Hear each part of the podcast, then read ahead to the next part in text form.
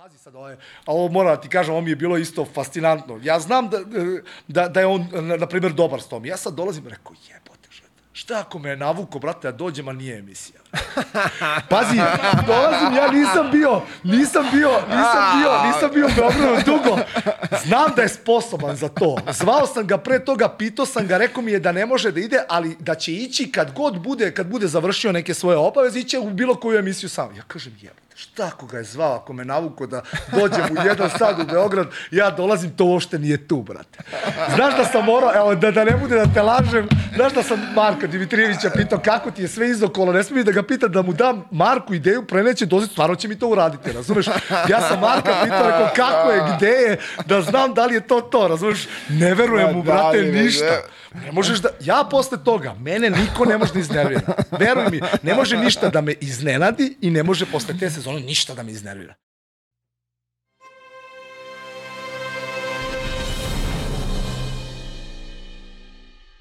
Pozdrav svima i dobrodošli u još jedan Jao Mile podcast. A, pre svega zahvalimo se Admiral Betu, Matijašić Vinogradima i Big kompaniji što su uz nas i daju nam podršku da sve ovo funkcioniše. Novi Big Hybrid Flex savršeno brije. I da, oštrice mogu da mu se zamene. Ovako, skromno. Molbica, zapratite YouTube kanal, to nam izuzetno znači. Uh, veliki broj vas koji nas prati, koji gleda emisije, ne, ne subscribe se na naš kanal, što je onako malo poražavajući je ovaj podatak, ali znamo da nemamo naviku, tako da evo sad sugerišemo zapratiti YouTube kanal da bi mi porasli. Mislim, ovako smo krupni, veliki, ali da bi još malo ovaj narastemo. Uh, danas imam čast i zadovoljstvo da ovako, kako da, da napravimo jednu najavu, ali ajde ovako, virtuos sa loptom i doktor, slobodno mogu da kažem, doktor a, za uvođenje ekipa u viši rang. Milijan Bocka je sa nama. Bocka, dobro došao u ovaj moj skromni show. Hvala ti, hvala, hvala ti što si me pozvao, hvala na ovako lepoj i, i, i dobroj najavi i nadam se da ćemo se lepo družiti, da ćemo imati nekih lepih anegdotica da, da, ti, da ti otkrijemo, da ti kažemo. Pa ne sumnjam u to, ne sumnjam ovaj, nadam se da će tebi biti prijatno, ugodno, što bi se reklo u ovom našem razgovoru, a ostalo sve će doći ovaj. Na svoje. Kako, tako je, na kako, svoje. Na svoje. Uh, ovako, reci mi, prvo, pošto ja sve ovde kogod dolazi van Beograda, pitam kako se snalazi s svojim beogradskim gužama, s obzirom da si ti iz Ravnice, koliko ti ovaj, smeta Pa naravno, ulazak saobraćaj, saobraćaj generalno u Beogradu je, znaš i sam, prebukiran i sve, mesta za parking su malo, malo teža za nalaženje, ali ono, kad kreneš na vreme, na, navikao sam da krenem na vreme, nemam ja ono, tih problema, generalno sam uvek bio što se toga tiče ažuran i voleo sam da ono što kažem to ispoštuje maksimalno, tako da ono, kad kreneš na vreme, uspeš da se organizuješ, nađeš, tako da nisam imao problema. Bolje je krenuti ranije pa malo sačekati nego... Tako je, tako je, tako je. Bar ono, što bi se reklo, to je naše ovaj, iz ove navika sportska. Generalno da. Zajebano je kad zakasniš, znaš, može bude po ušima od, od, od trenera. Finansijski. Tako ne, je, ne, da, najgore i onda- kad te kazne finansijski. Ja sam, ja kažem, ja sam u Igokeji jednom bio kažnjen finansijski 10% za zvonjenje telefona. Od toga, to je već jedno 15 godina, nikad mi nije uključeno zvono, imam problem što mi niko ne može da me dobije. Tako da, mada to je bilo nekada, sad mlađe generacije su malo, malo ono, što se toga tiče neozbiljnije. Nekada si morao da dođeš sat vremena pre trening ili pola sata da se zagreješ, uđeš u, u ritam, da jednostavno odmah možeš da uđeš u 100% treninga. Danas toga sve je manje i manje. Pa dobro, vidi, to su nove generacije.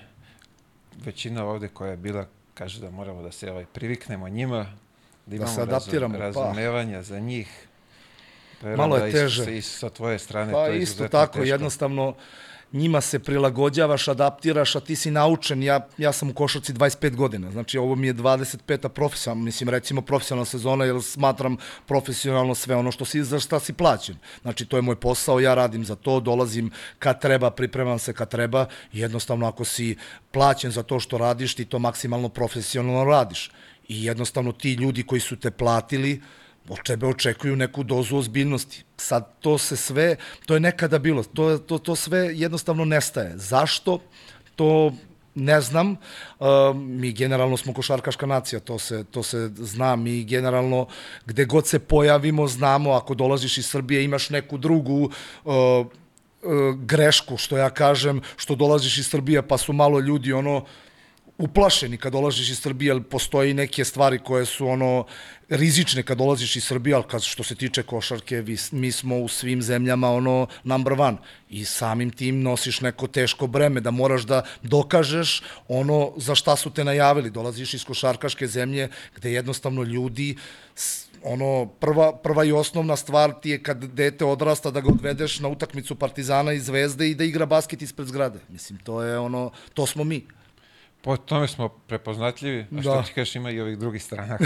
da, mi- mislim, nekad, ono, na početku dok sam dolazio, tu su bile neke rizičnije stvari, su se dešavale u našoj zemlji, ljudi su se malko i bojali nas. Znači, ono, ratovi, bombardovanja, znaš, je, šta se dešava u toj Srbiji, ali e, vidi, sad kad si to spomenuo, ovo mi je palo na pamet, pre dve godine. Zove me ovaj, bivši moj saigrač iz Litvanije, igrali smo zajedno tamo u Letka Belisu i posle ne znam koliko se mi čujemo, gde si, šta si, sve super. Kaže, imam jedno pitanje za tebe, slobodno. A, ide kolima iz Litvanije za Grčku, dobije ugovor dole, a, kao, je li bezbedno da prođem kao kolima kroz Srbiju? da, da, da. Ja u šoku šta me pita čovjek, kako misliš je li bezbedno? Pa kao, znaš, da se ne, ne, nešto ono u fazonu da mi se loše ne desi. Ako legenda, pa nismo, Pa nismo zavisi ono kako je kod njih to prezentovano. e, to je znaš, to, to je, ti znaš, imaš jednu marketinšku sliku ovde, kako mi to prezentujemo, e sad zavisi kako je u njihovoj zemlji prezentovano i kako je, da li je uveličeno ono što se dešava, neka banalna stvar koja se dešava u Srbiji, kako je prezentovana na njihovim televizijama, radiostanicama i sve to. Ti to ne znaš, ali jednostavno ljudi su ono uplašeni ne, ne znamo ni mi zašto, jer ni mi ne pratimo verovatno njihova dešavanja i njihove televizijske prenose, ali su ljudi uplašeni. Ali da li mogu kao bezbedno prođem kroz Srbiju? Rekao, čoveče, bre, ono, neće ti niko Pa isto tako, ja kad sam bio u Bugarskoj, Mile, znači prvo što sam pitao, da li smem da se, ja imam neku, neke predrasude, tipa što se tiče Bugarske, da li smem da se zaust, zaustavim na autoputu da mi neko ne ukrade kola? Znači ono bilo je jedno vreme, ako se sećaš, uh, presretači ti staneš, on te, ono izbacite iz kola i ukrade ti auto. Mislim, Bugari su jedno, jednostavno poznati po tome da su voleli da, da, da otuđe tuđi auto, ono auto, tako da, naši, ja imam, i, mi, mi imamo isto te neke predrasude pred neki, prema nekim drugim zemljama. To je to moguće da su ljudi svašta čuli i onda zbog toga me i je ono u šoku. Rekao, čekaj bre, nismo baš toliki ono, i idioti, ali, ali eto vidiš, to je ta prezentacija kako oni tamo. A, gle, ovo, moram te pohvalim za, za, za formu. Ovo, lepo, s obzirom na godine, ti si u boljoj formi nego većina ovih igrača, mislim, što su u KLS-u sad. Pa iskreno ti kažem, hvala ti, hvala na, na, na pohvalama. Uh, imam te, generalno, to, to dobijam i od sudija, ko sa, pošto igram sad tu prvu srpsku ligu i u Indiji, dobijam iste takve pohvale. Jednostavno, navi, to je navika. Neka, neka starija generacija je bila takva. Ja nisam bio igrač koji je uh, ono plenio talentom i ne znam ni ja šta. Ja sam jednostavno čovek koji je radnik, koji je svojim radom došao do nekog nivoa. Nije to neki nivo vrhunski, pošto ti u, ovom, u, u ovoj emisiji imaš stvarno vrhunske košarkaše, vrhunske sportiste i sve. To su neki, ne- neka imena koja su ostvarila neke vrhunske rezultate u ovom sportu, koja su za mene naravno vredna svakog. Ja sam neka, ne, ne, neka druga sorta koja je rad, radom samouk jednostavno nekim svo, nekom svojom željom da nešto sebi dokažem prevashodno i da se izdignem iz sredine iz koje dolazim. Moja sredina je mala sredina. Ja sam, da, da bi igrao bilo gde, morao sam mnogo da budem bolji, mnogo uporniji, mnogo srčaniji, borbeniji i evo, negde u neku ruku je neko je to prepoznao, razumeš? I onda jednostavno morao sam, ovo je, ja mislim, ono, dobra podloga, što ja kažem, koju sam imao tokom detinstva, tokom rada, tokom odrastanja, dobra podloga za, da bi i sad je ovako izgledao. E, a reci mi sad ovako, pošto si ti u 40, 41. je li tako? Tako je. A, ligu koju igraš, a, kako se, pretpostavljam da nisu baš, ima tu ih mlađih u, u ligi. Kako se oni, hoću pitam, odnose prema tebi s obzirom na, na godine i to? Ima li tu onog poštovanja kao što je bilo u vreme ka, kad smo igrali pre, ono Winston Juba ligu ili kako se zvalo, ili je to malo Ma, drugačije? Pa vidi ovako, uh, moja, moja neka, ne, moje neko viđenje vezano za košarku, u košarci nema pluskvamperfekta. Znači, nema davno prošlo vreme, dokazuješ se svaka sezona novo dokazivanje i tako te i deca gledaju. Ukoliko si ti spreman na to što radiš, ukoliko ga radiš pošteno, moraš da im staviš do znanja da si ti taj koji je spreman gde oni moraju da te poštuju. Niko neće da te poštuje ukoliko ti kao vreme te pregazilo. Nema toga. Nema, od stare slave se generalno po meni, na moje lično nahođenje, se ne živi. Znači moraš da živiš, da radiš tog trenutka da bi zaslužio svoje poštovanje. Onog trenutka kad zaslužiš svoje poštovanje, ja imam sa trenutno u Indiji, imam decu, naravno to su sve deca, 16, 17, 18 godina, na njima se i bazira sve to. Znači oni su tu, ulazi se u viši rang, to su neke ambicije ambicije ulaska u viši rang, oni to još nisu doživeli, nisu doživeli, oni igraju tu košarku da bi igrali, imaju neke svoje snove, želje i to, ali jednostavno nije isti princip kad se ti boriš za nešto, kad imaš neko, ne, neki uh, cilj u, u, u ligi, kad imaš neki primarni cilj koji moraš da ostvariš i kada ti igraš, a to tako da bi igrao. Automatski sa, to sa tim vuče određenu dozu tereta, određene neke, o, ne, ne, neke, neke stvari koje ti moraš da ispoštuješ. I samim tim nije isti niti koncept, koncept rada, nije isto zalaganje, nije ništa. Ja sam tamo došao čisto da njima pomognem da vide kako je se nekada radilo i kako, kakvo je moje gledište na sport. Jer njihovo nije onako kako bi trebalo da bude u mojoj glavi. Naravno, naravno, moja percepcija toga nije ista kao njihova. Kao što si rekao, nove generacije, jednostavno nova, nova viđenja košarke, ali po meni mislim da to nije pravi put, jer imate vi uh, i nove generacije koje razmišljaju kao mi i oni su automatski uh, vrhunski.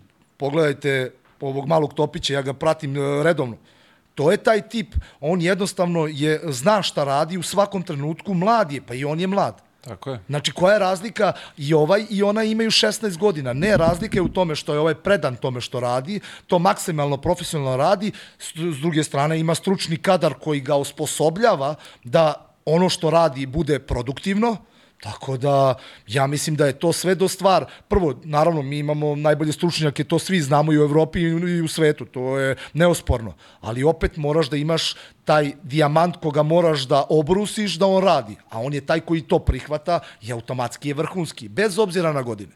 Dobro, ja, ja bih rekao da on ima malo i, i složit ćemo se i kući autoritet u vidu tako Čaleta, je, sportska, naš, koji tako je tu. Otac. Sad, ovaj, ne znam kako je kod tebe, ja se sjećam ovamo kad smo bili u, u primer FMP Železnik, pa ljudi koji su od mene bili stari po, po 10 godina, pa je tu nekad bila i neka vaspitna po ušima. Ovaj, znaš, sad je to, ako ga i čušneš, to je ono već mobbing, kako bi oni to karakterisali. Tužba, žalba, to, sve, to, znaš, mislim, ti to nije, ni, ni, nema više toga, to je nekad bilo, sad toga, ti si imao, bravo, imao si ono, bukvalno ćušku da mu udariš, ono, ne sme niko ništa da ti kaže. Sad, generalno, poenta je to i problem je toga što ta ćuška, imao sam skoro neku polemiku oko toga, uh, sa trenerom, kao, pa znaš, uđeš, on isto ta starija generacija. Kažem, da, ali on odustaje, ja mu udarim ćušku, on se okrene i ode i više neće trenera nisu sva deca isto vaspitana i nisu sva isto usmerena. Kao što si rekao, taj, taj Topić ima kući uh, vrhunskog sportistu koji ga usmerava i kaže mu, alo, svaki dan mu priča, tako i tako funkcioniše. U mom svetu je to bilo tako. I on je tako vaspitan od malih nogu.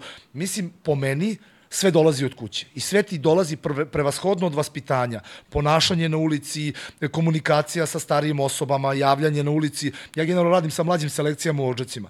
I počeo sam da radim sa njima sad, evo, znači ove godine sam počeo, uh, prvi problem je osnovne kulture, da deca nauče da kada uđu u halu, da taj čovek koji radi u hali, on je zbog nečega tu, da moraš sa nekim poštovanjem da mu priđeš, da mu kažeš dobar dan, doviđenja, znači da naučiš ih nekim osnovnim i elementarnim e, načinima ponašanja. To je, to je neko da, moje da, viđenje. Da, da. Sad, kako, svako ima neko svoje. Ja kažem, ovo je moje ono, subjektivno mišljenje za, za decu koji ću ja pokušati da naučim nečem.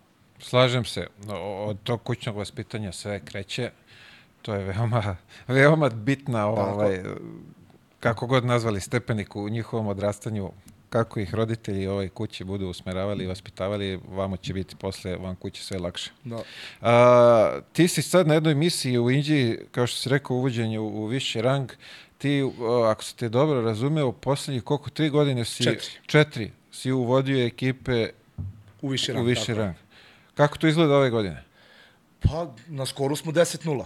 Znači, pošlo, prošlo, je, prošlo je 10 kola, nemamo ni jedan poraz, igramo dobro. Imam ekipu koja je sastavljena od mladih ljudi koji su, pa recimo, uh, korektni. Ima tu i ljudi koji su igrali B ligu, KLS, m, ono, ljudi su jednostavno, uh, moraš im svakim danom objašnjavati koja je poenta uh, svega toga. Da jednostavno poenta svega toga ove sezone je uvođenje i ulazak u viši rang.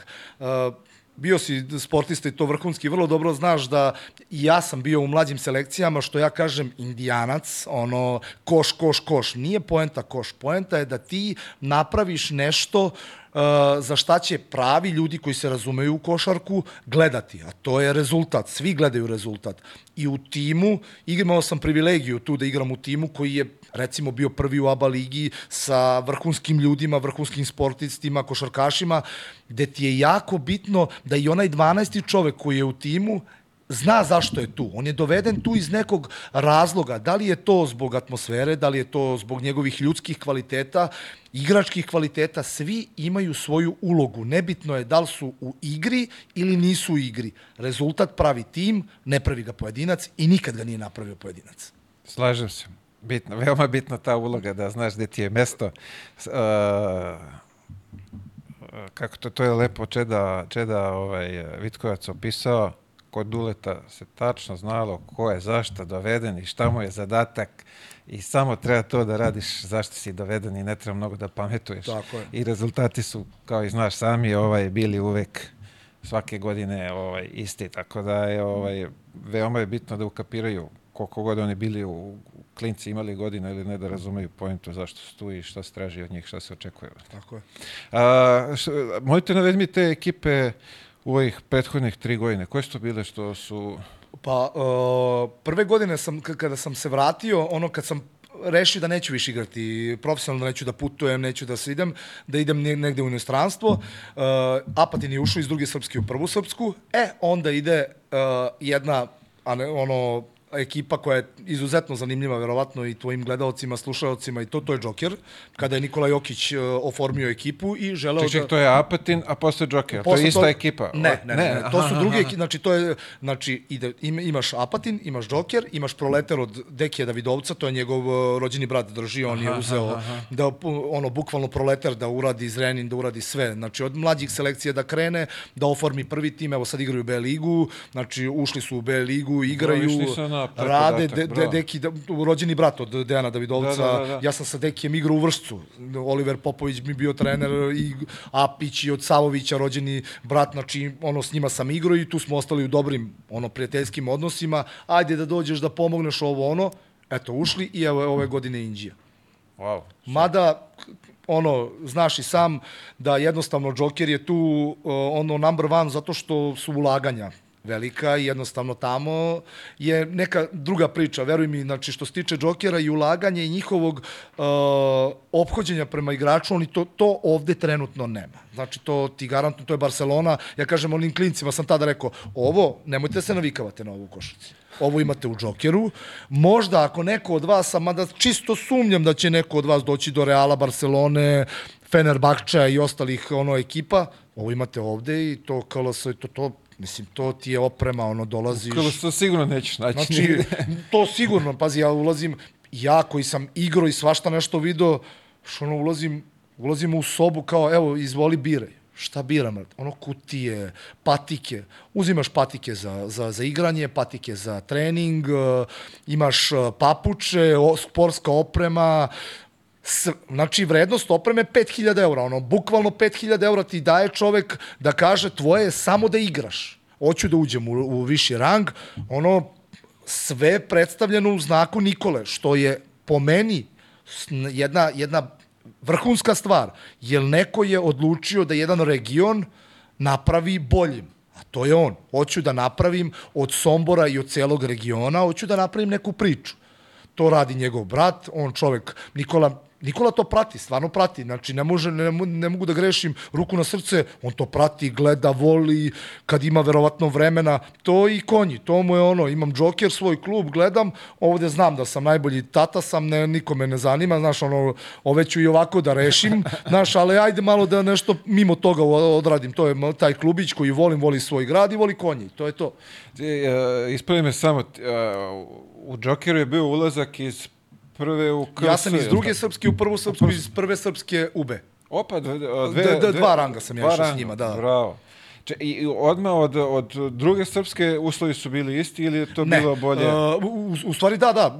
Generalno su bili uslovi ok. Od prve srpske kreću ono, real. Dobar dan, dobar dan, izvolite, ulaziš u magazin, biraš šta je, ovo je tvoje, ovo je tvoje. Znači, Mile, ti znaš, mislim, igrao si i po vrhunskim klubovima, ali kretao si ono vreme kad nije bilo toliko novca. Znači, ovo, ja sam im tada rekao i oni, ono, e, dolaze deca, ono, tipa, na probu i to i sad oni to, i oni misle, to je sad normalno. Ja kažem, ljudi, ovo nije normalno, bre. Ovo su, bre, astronomski uslovi za košarku, pogotovo za ovo naše Za taj rang- podnevlje i taj taj, rang rang, znači, pri tome, ono, nema kašnjenja, nema ni, znaš, ono, nema, ono, sve u dan, sve što ti treba, to je tu, obratiš se, postoji čovek koji će ti to rešiti, medicinski deo, ono, proteini, aminokiseline, oporavci, Znaš, ono, gledaš, u jednom u Sombor stižu one pantalone, tad sam ja, mislim, ja sam ono, iz male sredine, nisam voleo to, taj tip oporavka, zato što Znaš, ono, što ja kažem, seljak, šta seljak, znaš, šta je pantalone, one, na, na, A, na, da, ovaj, znaš, za, za naduvanje, što ti regenerišu. Ja kažem ja da sam imao ovo, ja bih igrao do 70. brate. Znaš, ono da sam imao op za oporavak, ja generalno moj oporavak je ono, ne znam šta, ono, dođem i pojedem nešto i to ti je to. Nemaš, im, imao si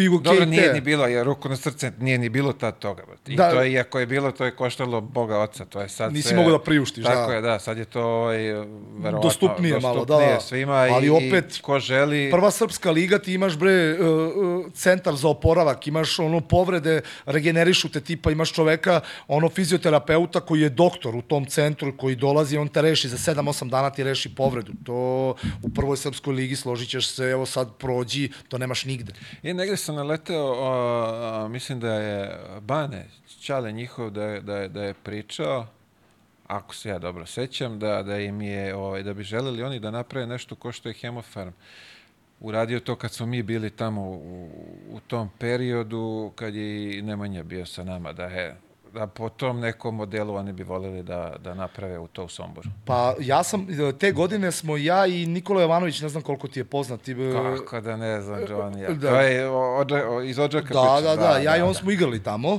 i on uh, u, u dogovoru sa Banetom Jokićem ja nešto izlazim i neka žena, ajde da otvoriš za decu u Odžacima da trenaš, mi bi baš volili ovo. Ja, ono, znam, malo mi je teško da to sad, ono, sve radim. I Bane, ulazim, vozio me na neku utakmicu i Bane kao, pa ajde, ja ću ti pomoći ovo. On je stvarno čovjek bez, ono, trunke, trunke, neke, sad ja ne znam kako da ti to objasnim, ajde, hoću. I čovek je došao, ispoštovo, došao u opštinu Odžaci, daću to, to, to, to, da se krene. Ja i Johnny smo to pokrenuli, ovo ono, mada je to bilo kratkog daha. Sad to opet, opet ide u ekspanziju i opet hoće, on se čovjek valjda malo sklonio od toga, ali sam čuo sad možda pre jednom, dve, tri nedelje da opet hoće nešto tog tipa da uradi. Hoće da, da napravi školu za decu, da se on bavi s tim, ovo, ono, verovatno neće čovjek da se bavi prvim timom, to mu je prenaporno, ali ovo verovatno ono, u slobodno vreme hoće čovjek da, po, da se posveti tome i posvetio se, on je stvarno bio posvećen tome. Ja sam pričao s čovekom ono svakodnevno i bio je posvećen tome. Znači, ja mislim da on to može da uradi. Pa Generalno. mislim, generalno, u, u, ako gledamo ovako sad taj deo ovaj, uh, Srbije, nema tu nešto... Nema nikoga. Mislim da bi bilo dobro. Oni su krenuli s tim, nadam se da će imati strpljenja da to isprate. Pa, ja da, da, da. Strahinja je glavni odgovorni, je li tako? Ako sam razumeo, on to gleda, nadgleda, ovaj, Pa, kam, trenizi se svi snimaju, prati, prati iz Denvera sve, ovaj, Znači, e, meni, meni dalje nejasno da on, on bukvalno snima svaki korak. Znači, ja, on, je zna, on zna svaki korak koji se dešava, ali putem društvenih mreža, lajva, svega toga. On generalno uh, fizički nije tu. I fizički kad bude došao, kad, sad zašto nije tu, ne znam, on ima nekih određenih problema, verovatno zašto ne može da dođe, nećemo da se mešamo u to, ne znam zašto, ali uh, fizički mislim da će to mnogo bolje da funkcioniše kada on bude došao tu. Kada on može malo da se pozabavi s tim, jer ja Strahinju znam 20 godina. Ja Strahinj, sa Strahinjom sam igrao u Spartaku, kad je Strahinja ono bio... Talentovan. Ta, izuzetno talentovan, ulazim na, na teren, Strahinja pije aminokiseline, haos, Uh, ne znam, Mile, da li si nekad u životu video, ja to, ja njega to, mi smo drugari i tomu, da li si nekad video da neko uh, marker sa dva lica, marker za trening, onaj debeli, pocepa ovako i pocepa ga iz dva dela, ostanu mu u ruci dva dela mu ostanu. Strahinja na treningu se nešto iznervira, promaši jedan zice, drugi, iscepa marker i ovako ga baci na dva dela čovjek dole. Znači, ono, životinja. Čovjek Ne, životinja. Znači, On je, sa, mislim, stekli su popularnost oni Nemanja kao Jokić Brothers i ovaj, prikazuju ih u nekom drugom svetlu. Ovaj, mi znamo malo dok, ovaj, dok su bili i- klinci. Kad su, tako ka, je. tako je, da, drugačija je to priča bila, ali on je uvek bio jak, bre, on je bio zver. Seća se neko podbacivanje, uh, gde smo mi igrali, nešto sam igrao protiv njega. Podbacivanje za loptu, pa flakat u glavu. je izašao napolje. Brate, mili, pa nismo ni počeli. Ono, ono, teretana tad, ono, svi ono kao dižu neke normalne, tižu ono čovjek 180, 190 kila na bench. Ne, ne, ložili su. Oni su uvek ložili na, na, na te tegove. neverovatno. I Nemanja i on. brate. Oni i dalje ne mogu da me, da me skontaju da, da Nemanja, Nemanja je bio ekstremno talentovan, ti znaš kakav je Nemanja bio igrač. Ne mogu da skontaju da i Nemanja i Strahinja su imali jednu određenu dozu talenta, ali Nemanja je bio mnogo talentovaniji. No, da, da. Samo što ja mislim da Nemanja jednostavno ne trpi autoritet i to je generalno u sportu jako veliki problem. Znači, on je više meni za individualni sport, tipa, naravno, MMA kao što se i bavi to, nego za timski sport gde ne može on da podnese da njemu trener nešto kaže, ali ti meni da narediš. Mislim, ja ono, taj, taj, taj, taj Spartak, ono, ne možeš da veruješ koliko dece, pazi, to je bilo pre 20 godina. Jagodić Kuriđa, Bunić, uh, Vlada Popović, iz, onaj šuter iz, iz, iz Zvezde, uh, uh, ovaj Ljubotina što je sad u Spartaku direktor, on je igrao sa mnom, Đapa, uh, Strahinja, znači to je igra... Uh, Šele Vučurović. Šele Šele, mene Šele u dve da. Šele pokojni, pokojni Lisica. Lisica je sa Da, mnom da, bio u Novom da, da, Sadu. Znači, to su, uh, Đokić je bio tada, na, na, ono već je odlazio iz Spartaka. To su ozbiljno, to je ozbiljna ekipa bila. To su, ne, ne mogu da im objasnim šta je tad, ta što ti kažeš Winston, Juba Liga i KLS, šta je to bilo tad. Znači, nema stranaca, dva stranca u čitove, nikad jače. Evo, pre neki dan sam izbacio zdravlje Superliga, Zvezda, Hemofarm, Atlas, uh, Holand je bio jedini stranac koji je bio, ako se sećaš, Holanda, Sećam se, da. znači, Peković, uh, Vuksanović, Koska, prijatelj moj, znači to su ozbiljne li, lige sa ozbiljnim igračima bile, nije bilo stranaca. Znači ti si toliki fond naših domaćih igrača imao da nisi imao potrebu da dovodiš stranca. Sad ja ne znam u to vreme da li se možda sećaš, mislim da je bilo i zabranjeno da ti ideš iz lige do neke određene godine, 23. 4. nisi smeo da odeš, ili tako nešto je To bilo. je bilo pre nešto, po, pre, pre, ne znam ka, kad je pu- pušteno to. Bilo je ograničeno, ali imao si one ugovore si morao potpišati Da, do da, da, 24. nešto, A da, kad da. ćeš da ideš, to je posle, mora si da platiš da, Da, da. da. da. Ali ugovori su bili do, do 24, oni prvi profesionalni ugovori na 40 godina. Da, nikad kraja. Ono, zarobete tu, da. Tako da je to, sad je to malo sve drugačije, ovaj, funkcioniše tako kako funkcioniše. A, reci mi, jesi imao prilike, kako se zove, Nikolu, dolazio na, na treninge, na utakmice, posle, do- pre sezone, posle sezone, kako je? Pa dođe, dođe, dođe pre sezone, pre nego što će da ode, bio je par puta. I onda mi kažu, Nikola, znaš, kao uh, truntav, kako kažu, ono, uh, uh, nema, nema koordinaciju. Dolazimo na neki trening, on čovjek trenera, ja, uh, mi imamo, Joker ima trening. 40 sprinteva. Znaš šta je, Mile? 40 sprinteva, punih sprinteva u cugu čovek uradi 40 dužina terena. Onoliki čovek. Bez zamora. On trenira čovjek, onda dođe kao nešto s nama, kao ja ću da igram, budem ispod koša, znaš, vidite, mi radimo neku tehniku i sad ti ideš kao ispod koša da položiš. Ne možeš ga prebaciš, čovječ. Ne možeš da ga prebaciš zato što, a on se ne pomera. Znači, on napravi jedan korak i zalepite, drugi korak i zalepite. Samo da vidiš kolika je razlika u kvalitetu tom što on, kako on čita igru i kako on tebe čita na osnovu dva koraka. Zna gde ćeš, kako ćeš da je baciš polu. Znači, mislim, ozbiljna, ozbiljna stvar. Sad ne znam koliko ti, uh, mislim, ođaci su mali, ali generalno ima dosta tih nekih ljudi koji su u košarci. Uh, Žare Vučurović znaš ko je? Žare Vučurović je iz Ođaka. I ja sam par puta sedao, oni njega treniraju u Ođacima i ja ga pitam, reko, Žare, hoće, hoće li biti još jedan ovakav? Kaže on, narednih 100 godina. Kaže, narednih 100 godina ovakav, teško. Mis, mislim da ovakav se neće roditi narednih 100 godina. Stvarno, ono je nestvarno šta on radi. Znači, ja NBA generalno ne pratim zato što više volim našu evropsku košarku, jer je više košarka, taktike, nekih stvari gde se treneri nadmudruju, to ono je više fizika, ali Da, da, da. da. sam počeo, znači bukvalno Jok, Jokić mi je uneo ono, moraš da razmišljaš, brate, evo ja te sad na glavu, ja ti pokažem kako se igra na glavu, a ti probaj da me pobediš na fiziku. Ne mogu da ga pobedim zato što je glava mnogo, informacija ide iz mozga u, u, taj, u te delove tela, u skoku, ovo, ali ja te glavom dobijem. Da, To da. je to. A, a ovo me zanima sad, a, to njegovo pojavljivanje tu, ko, klinci, pretpostavljam da je bilo i, i klinaca u toj ekipi. Kako su oni gledali na njega? Da li je ono malo... Nestvarno. Znači, na, Se, što to bi se rekli, se uzbude malo kad se pojavi ovaj, na, na treningu. brend, jednostavno čovjek je napravio brend od sebe i jednostavno, znaš, ono, i on, ve- ve- već je valjda, valjda i njemu uh, dosta toga. On čovjek dođe tu dva meseca, svi smo se bavili košarkom, ti dođeš, igraš, još i ono vreme bilo, oni koji su bili vrhunski, ja se sećam, liga ti traje ovde do juna, pa ti kao, taman hoćeš da odmoriš, ono, rep, rep, ne, imaju reprezentativne obaveze. On čovjek nema vremena da odmori, čovječe. I onda je njemu to verovatno i naporno slikanje, ali to ti je, znači, ne može, pa oni su u to vreme počinjali, ja kad sam došao u Joker prve godine, oni su počinjali. Sad oni imaju ono tipa klinaca, ne možeš da veruješ koliko. Pa ja u Odžacima, banalan primer, samo ta Joker staviš. Ja sam imao 60-70 klinaca u malom mestu, kod 7000 stanovnika, ti imaš 70 klinaca samo zato što je to Joker, čovječe. Znaš, ono, jednostavno, on je, sad, sad, to je još ono bilo u ekspanziji, to je bilo pre, recimo, 4-5 godina. Zamisli samo šta je sada. Znači, sada kada je on dokazan da je on najbolji na svetu, i on je najbolji na svetu, tu nema greške. To je verovatno sad u mnogo, mnogo većoj meri nego što je bilo pre 4-5 godina kad sam ja kretao. Jeste on bio najbolji, ali sad je definitivno sve osvojeno, ja sam na papiru, na terenu i u svim segmentima najbolji.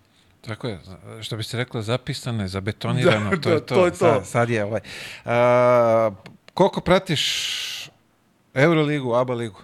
Pa Evroligu, Evroligu i ABA ligu sad, ono, Evroligu pratim i Evroligu volim isključivo zbog naših trenera generalno, zato što, uh, rekao sam ti, volim te neke, neka, neka taktička nadmudrivanja što se toga tiče, jer mislim da naši treneri su košarku uh, prebacili u nauku ali bukvalno. To je naučni metod kako oni to rade. Imao sam priliku da radim sa par ono trenera koji gener, generalno vode računa u svakom detalju. Igrao si u, i Da, da, dolazili su mi iz FNP-a ljudi u Igokeu, ono 200 igrača sam promenio iz, Igo, iz FNP-a iz eh, Zvezde, iz Partizana dođu u Igokeu, bilo, to je bilo ono, finansijsko, finansijski je bilo dobro, dolazili su na probe i to sve. Imao sam dobre trenere tamo, znaš, Darko Ruso mi je jedno vreme bio trener, znači to su detalji. On, mislim da je Darko Ruso, nemoj me sad držati za reč, on je Duleta Vujoševića škola, znači bukvalno ono, detalj. Znači detalj, zašto nisi ovde nego ovde? E ja, generalno, to, to, to se ceni i poštuje kod naših trenera, jer, jer se vode računi o detaljima. A to se, verujem, igrao sam, ja sam igrao te niže lige, nisam igrao te vrhunske lige, pa znam kako to funkcioniše. Tu se nigde ne vodi računa o tome. Tu se igra košarka, igrala se radi zabave, ti si tu plaćen i to je to kod nas, kad, dođu, kad ti dođe srpski trener, pa to je, znači ono moraš da, da učiš, ti moraš bre, od ponedeljka da kreneš sa, sa radom, da učiš da bi petak došao spreman na utakmicu. To se tako radi, znači tako se rade scouting i, scoutinzi pripreme, pripreme za utakmicu, to, to je nauka. A u drugim, ono drugi trener to, ajde da igramo malo košarku, da se zabavimo, bit ćete plaćeni, to je to, nama je to ono, bukvalno zabava. Kod nas je to posao i samo posao. Kako gledaš na večite prošle godine i o, o, ovaj početak ove? Pa iskreno, uh, ja Mislim što se Euro, Eurolige tiče. Pa iskreno, što se tiče Evrolige, ja Željko Bradovića generalno obožavam, to je moje ono viđenje. Imao sam problem sa mojim kumom Dozetom koji je u Zvezdi, imali smo neku anegdotu, ja kažem, mislim, ono, imamo grupu tu u, i dalje na, na, pazi, to je izuzetno, 10 godina je prošlo od, od osvajanja te ABA lige, mi i dalje imamo grupu ljudi koji su osvojili ABA ligu. I dalje smo u kontaktu i dalje smo, znači, pazi, to je kao porodica da smo. Dalje su svi u grupi i svi svima čestitaju, e, šalju anegdote, zezanja i to sve. I ja njemu kažem, rekao, ajde kume, dovedi me malo, budem pomoćni trener, pošto je Branka Jorović je doveo da bude pomoćni, dovedi i mene. Ono, ono, bukvalno, da sada ne psujem, kao nek te dovede Željko Bradović, pošto navijaš kao za partiza naša, ono, sprdnja. Ja generalno volim ono Željka i njegov po, i koga ne voli, moraš ga poštoš. Mora poštoš to što Absolut. radi, razumeš? Možda ga voliš, ne voliš, moraš da poštoš to što radi, kao i većinu naših trenera i stručnjaka. Možeš da budeš, opre... ja nisam navijač, ja sam simpatizer, što kažu, Partizana, ali ja volim i uspeh Zvezde i gledam to sa neke sportske strane. Generalno mislim da jedini problem uh, Partizana je uh, fond igrača na poziciji playmakera, što se i vidi otišao je Exum, taj koji je radio sve poslove vezane za organizaciju, skokove, znači one što kažu, što treneri kažu prljave poslove, radiš prljave poslove, a ekipa se izdiže. To je ono što njima sad trenutno fali, dok Zvezda, ono igra toplo-hladno je bih. Znači, ja, ja, ja kažem, ja i Zvezdu pratim zbog kuma da bi mogao malo da ga, naravno, sprdam na neke stvari. Kad izgubi, kad bodem, da. Neki dan isto igraju protiv Bajerna i zove me neki drugar, simpatizer Zvezda, navijaš Zvezda, obožava. I u, u Minhenu, evo ti ga kume, evo ti ga kažem, javi mu se. I on kao zove, čujem ja doze, doze, do, i on čujem od njega dole, ovog bre ima svuda, kao ovog bocka bre, ima ga svuda, ali to su ljudi koji vole, prate zvezdu, vole taj sport. Ja, to su moji prijatelji, ja nemam problem s tim, znaš, ja sam simpatizer i ja s njima i pričam otvoreno i o problemima, o nekim stvarima. Oni zove, aj zovi kuma, pitaj ga kad će neko doći, kad o... Jedno, to je sport i kad tako gledaš na stvari, mislim da bi svima nama bilo mnogo lakše kad bi gledali sa sportske strane, ne sa navijačke, da nekoga... Uf, to je teško. To je teško, da. To je teško u ovim našim uslovima i Zato što smo sredini. vaspitani tako. Da. O ti od malena učiš dete da li će biti partizan, ali će biti zvezdaš. Tako je, takvo nam je vaspitanje, mi smo takva nacija. Delimo se uvek. Uvek se delimo. Ja ću verovatno moje uh, dete, ako Bog da, ono, morat ćeš da navijaš za Partizan, tata ti je simpatizer, ali ti budi, ako hoćeš i navijač, ali ja sam simpatizer. Na vreme da krene. Da. Aba Liga?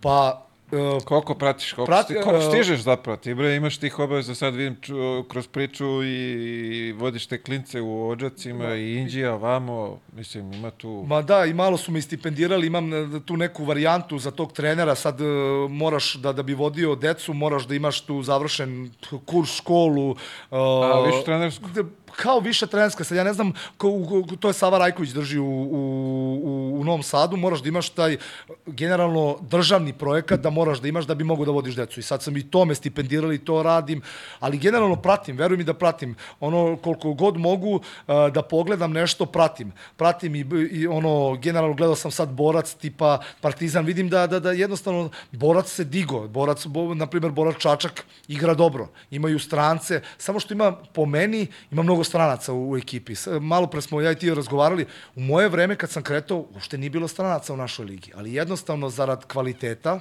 moraš da dovedeš. Ako nemaš naš fond, to tako ide u sportu. Da bi Možeš da pratiš trendove. Da, trendove. To su ovi svetski tako, trendovi, da, mora da dovedeš. Jednostavno, tako živimo i tako moraju svi da funkcionišu. Koliko god mi želeli da, da nazadujemo i da ono kao, e, nekad je u naše, nema to više. Znači, nema toga. Danas pa živiš za dalje. Vremena se menjaju. Mo, ili ćeš ići u skladu sa vremenom ili će te pojesti vreme. To nema tako, to, to generalno je tako. E, tvoje Igokeja ove godine ovaj, que dobro gura. Boga mi, reći... Boga mi dobro. Juče sam gledao, malo su juče, uh, pratim ih. Ja, to, to je bukvalno moja druga kuća. Ja Igokeju volim ljude u Igokeji. Tamo sam bukvalno više, više, više tamo imam prijatelje i više sam tamo skoncentrisan kao domaći nego kući. Bukvalno, proveo sam dobro, tamo... Dobro, proveo si le broj godina tamo. Da, šest godina sam bio tamo i veruj mi da sam ono sa ljudima, generalno sa običnim građanima u tako, tako lepom iskustvu ostao sa njima da je to, da je to, to strašno Gledao sam ih juče, malo su protiv Mursi igrali loše, stvarno, znači bio, ne znam, svakidašnja utakmica, ne znam, nisi verovatno pratio, ja sam pratio... Bacio sam pogled. Ono, da. 20 i nešto izgubljenih lopti su imali. Znači, kao da nikada nisu igrali košarku, ali do, pre toga sam gledao par utakmica, igrali su dobro. Znači, igraju dobro, imaju dobro, imaju dobrog trenera, to je prvo i osnovno, imaju ozbiljnog trenera. Znači, igraju dobro, dobro su ono napravljeni, imaju dobru uh, spoj iskustvo, mladost. Ja sam ono iznenađen, mislim, nisam ni iznenađen, iskreno ti kažem, s Pa obzirom dobro, kako... godinama su oni tu, kako se zove, ali o, o, o su stvarno posložili kockice, što bi se reklo, Baš, baš, baš dobra ekipa. ove sezone i lepo guraju. Da, baš I dobra opet ekipa. dobiješ i, i, i, kako zove, i budućnost 20, dobiješ Partizana u gostima, Cedevitu isto olupaš. Nesrećno izgubiš protiv FNP-a, Subotić ti da koš za pobedu. Da, da, da, da. Pri to je tome, o- nesrećno. ne, kako sam ja to, ovaj, kome sam to rekao, otvoriš kontru protivniku uh, sa bacanjem. Ne, nestvarno. Promašiš bacanje i otvoriš mu kontru 1 na 0. Ja, ja ne znam kako je, ne, ne, znači, igrao si košku, kako je to moguće da neko to ne brani, mislim, ono, ali opet, znaš, ono, verovatno su oni u glavi orijentisani, taj što je šutirao, taj će ga da, no, no, daće ga 100%, nema šta da, da, da, ali, Pa vidi, Košarka. bilo ko je, mislim da je zakačio posle tog bacanja da ne bi e, Bojan stigao da... da tako da, je trebalo da se desi u tom momentu. Ma, dobro, da. To je tako trebalo, Pri tome Koša, i Bojan odigrao fantastičnu utakmicu, pogotovo četvrtu četinu, to je... Ozb, znači, ono što je on pogađao i ono što je radio, svaka mu čast. Šta, šta, šta, šta vidiš kao završnicu ABA lige? Kako bi to moglo da izgleda? Iskreno ti kažem, uvek su tu pretendenti isti. Imate, imate Zvezdu, Partizan, Budućnost. Vidite da, da, da na primjer, studentski centar iznenadio, iznenadio Partizana u kupu. Znači, studentski centar, do, ali sad je otišao im je trener. Znači, trener mislim da im je bio ono, jedan, jedan bitan faktor. Uh, I Mega. Mega je po meni, ove godine će Mega da napravi. Mislim da Mega ima dobrog trenera. Misliš da Mega može u četiri, a? Pa ne znam da li može, ali ozbiljno igra. Vidiš i sama, da, da, sam da je ona iznenadila neke, ljud, neke ekipe koje ozbilj, ozbiljan skup uh, mladih talentovanih igrača. Da, da. Ozbiljan skup sa vr, sa vrhunskim trenerom, znači koji ih zna, koji ih tačno rotira onako kako treba da ih rotira. Ja sam ja njih isključivo gledam i volim te mlađe naraštaje, volim igrače generalno mega, koje mega do, dovodi. Naravno kao i svaki, svaki poznavalac sporta u Srbiji, znate da je Topić vanserijski, tu nema, nema greške, to se vidi. Mislim da, da, da, da je dečko, ono, mislim da je dečko pobednik. Iskreno vam kažem, mislim da dečko je taj koji može da iznese lidera. E, Breme lidera je jako teško, pogotovo u tim godinama, ali dečko jednostavno je vanserijski. Da, to se vidi. To se slažem s tobom. A, znaš šta je zanimljivo sad kad baš spominjemo ovaj, ovaj, Nikolu i to? Kroz ove lige e, u ovih prethodnih 4-5 godina koje, koje igraš, si vidio ti nekog talenta tu da kažeš, evo, ovaj stvarno mali je vrhunski, treba da nastavi da radi? Iskreno, kroz te niže lige, mislim da ne možete... Zar nema tu nekog onog slanja na dvojno kaljenje, jel to postoji danas? Ne postoji više. Toga, toga više nema. To su ljudi, igrači su bazirani ka tome da jednostavno postoje ti domaći igrači koji se razvijaju, koji su u tim, u tim sredinama gde su svi relativno kasno počeli da rade s tim. Znači, tu dolaze ljudi, koliko sam ja onako mogao nekako da, da, da da shvatim, uh, stari igrači koji završavaju svoje karijere, upuštaju se u te vode trenerske uh, u svojim sredinama i počinju da oživljavaju uh, sport i košarku iz, od nule. I tu, to je mukotrpan proces, zato što ti dolaziš do stadijuma gde dolaziš na gotovo, tu su već ljudi koji su namešteni, koji možda nisu bili u tom sportu vrhunskom, nisu se bavili vrhunski tim sportom i dolazite do toga da ti sada njemu hoćeš da nametneš nešto. On automatski se brani time, ne ti si došao da probaš da pomogneš, da nekome, da ga usmeriš ka, ne, ka nečemu, da pokušaš da mu pomogneš u razvijanju te dece u sportu a oni to doživljavaju kao napad. I onda tu svi u tim malim sredinama imaju taj problem prilagođavanja, uh, ono, uh, bukvalno kreću da rade od nule. I to je taj problem gde vi nemate, uh, nemate prvo i osnovno nemate bazu dece koji mogu da se bave uh, sportom u tim ligama. Dovođenje samim tim vam do, govori to, je, jesam ono čet, sa 41 godinom u dobroj fizičkoj formi, ali čovjek s 41 godinom igra 35 minuta, znaš, mislim, to opet Da. da. ti sad govori neku drugu stvar.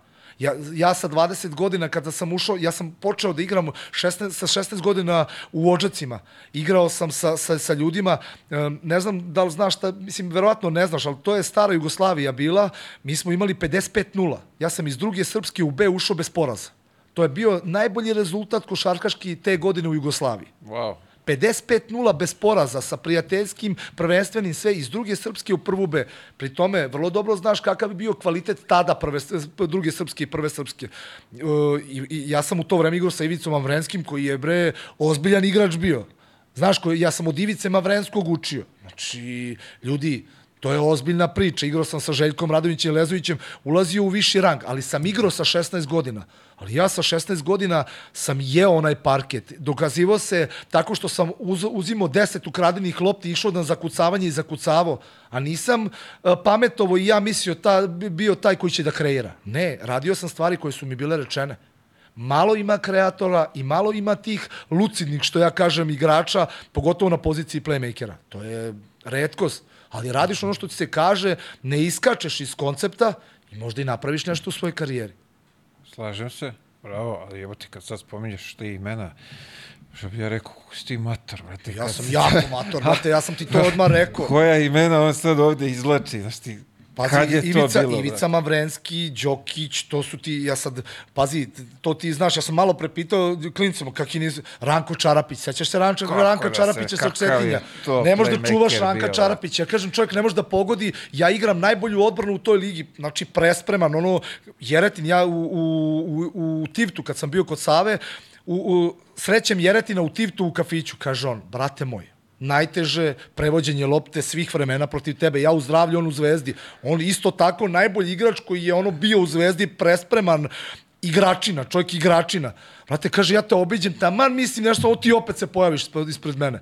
Ja sam to znao da radim, ja sam znao da igram odbranu, da kidam, da ti ukradem loptu i da zakucam. Ja sam ono vreme bio, bio jedini onaj čovjek sa metar i 20, ono, bukvalno koji je zakucavao. Ja sam zakucavao, ja sam na to igro. U Bileći ono zakuca, ono cela hala, ili u Leskutu, cela hala ustaješ, znam se čovjek ko, i obesi se, ono, indijanski, znaš, ovo, Dobro, visiš tad je to moglo, tad je to Tad je moglo, moglo, mogo si visiš kao, naš, bacaš se dole, treseš kao obruč, to sad više nema, naš, ono, to je bilo nekih ranijih generacija. Tako je, sad to ovaj, ovaj, sankcionišu u tehničkom Da. i, i, i ćao.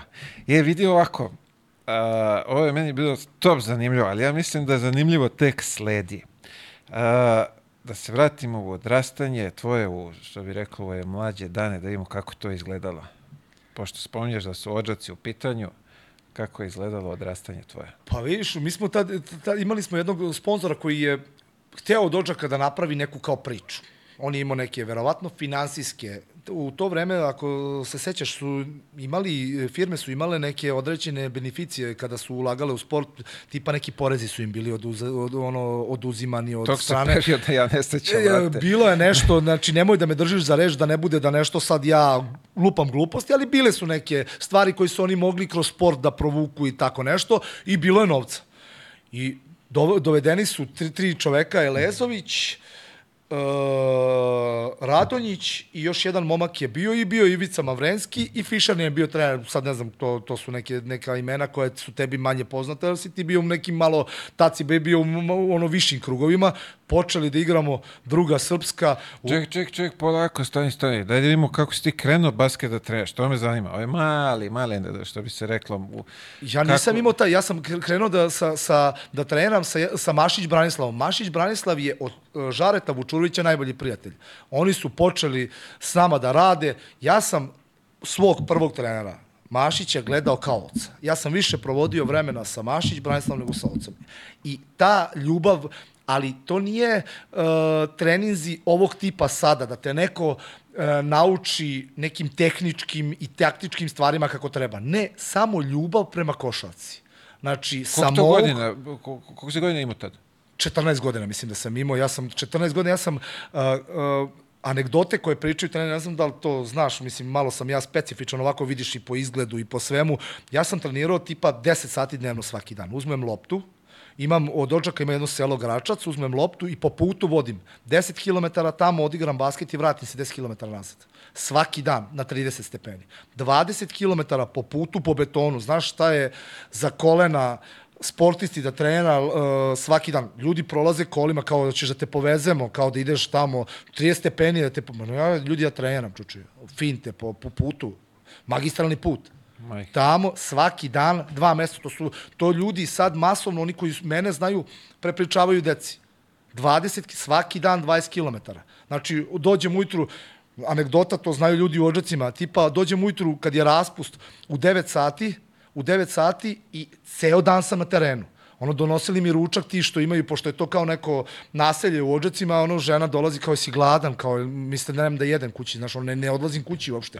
Ponesem pare, kupim neki smoki i to je to. I ceo, po ceo dan na košu i šutiraj. Ja sam samouk, ja nisam imao ko da mi pokaže. Ja sam to voleo, video negde, i ajde da prepišeš nešto. Sa televizije da prepišeš. I tako sam i trenirao. Zbog toga igram sada. Znači, ali pazi, da kucnem u drvo, jedna stvar. Nikad nisam u životu povredio. Pazi, to odrastanje na betonu svaki dan. Nikad u životu nisam imao povredu. Nisam imao zdravstvenu knjižicu, imao sam zdravstvene preglede i sve. Do 38. godine nisam, nisam bio bolestan nikad. Nikad u životu se nisam razbolio, nisam tempera, te- temperaturu izmerio. Samo, znači, astronomski napor. Ideš preko, znači, to ti je sad limit, ideš preko toga, preko toga. Ono, padaš, bukvalno sam imao u tim ođacima, sećam se, ja treniram pre utakmice, dolazim, imao sam da mi otkažu obe noge posle utakmice. Bukvalno ti od napora ti otkažu, znači ne osjećaš noge, sedneš grčevi, ne osjećaš noge.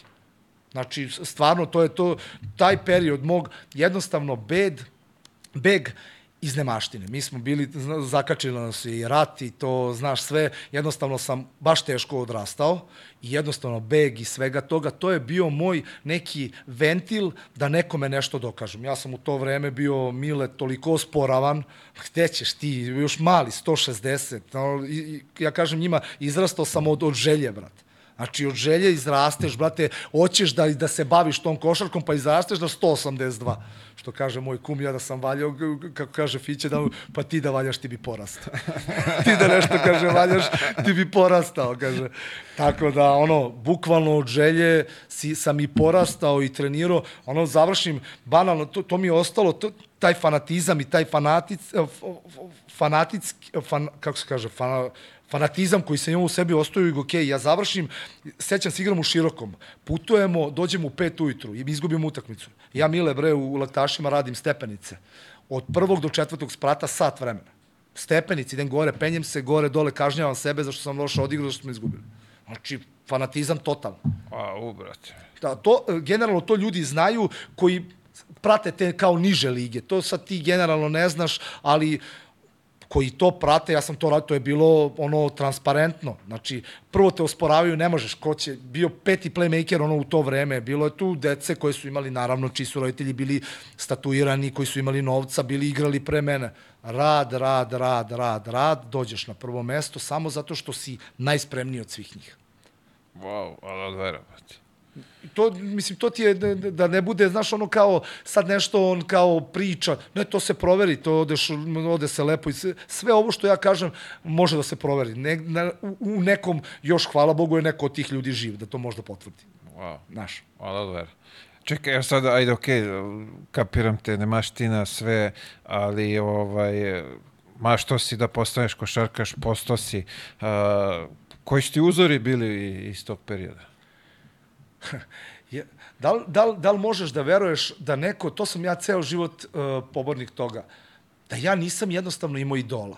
Ja sam imao idola u ono moje vreme, uh, imam jednog drugara koji mi, ono najbolji drugar mi je ovo, i on je tog razmišljanja, kaže čoveče, ti da si se pravilno hranio i da si živeo sportski, ti bi igrao u Euroligu.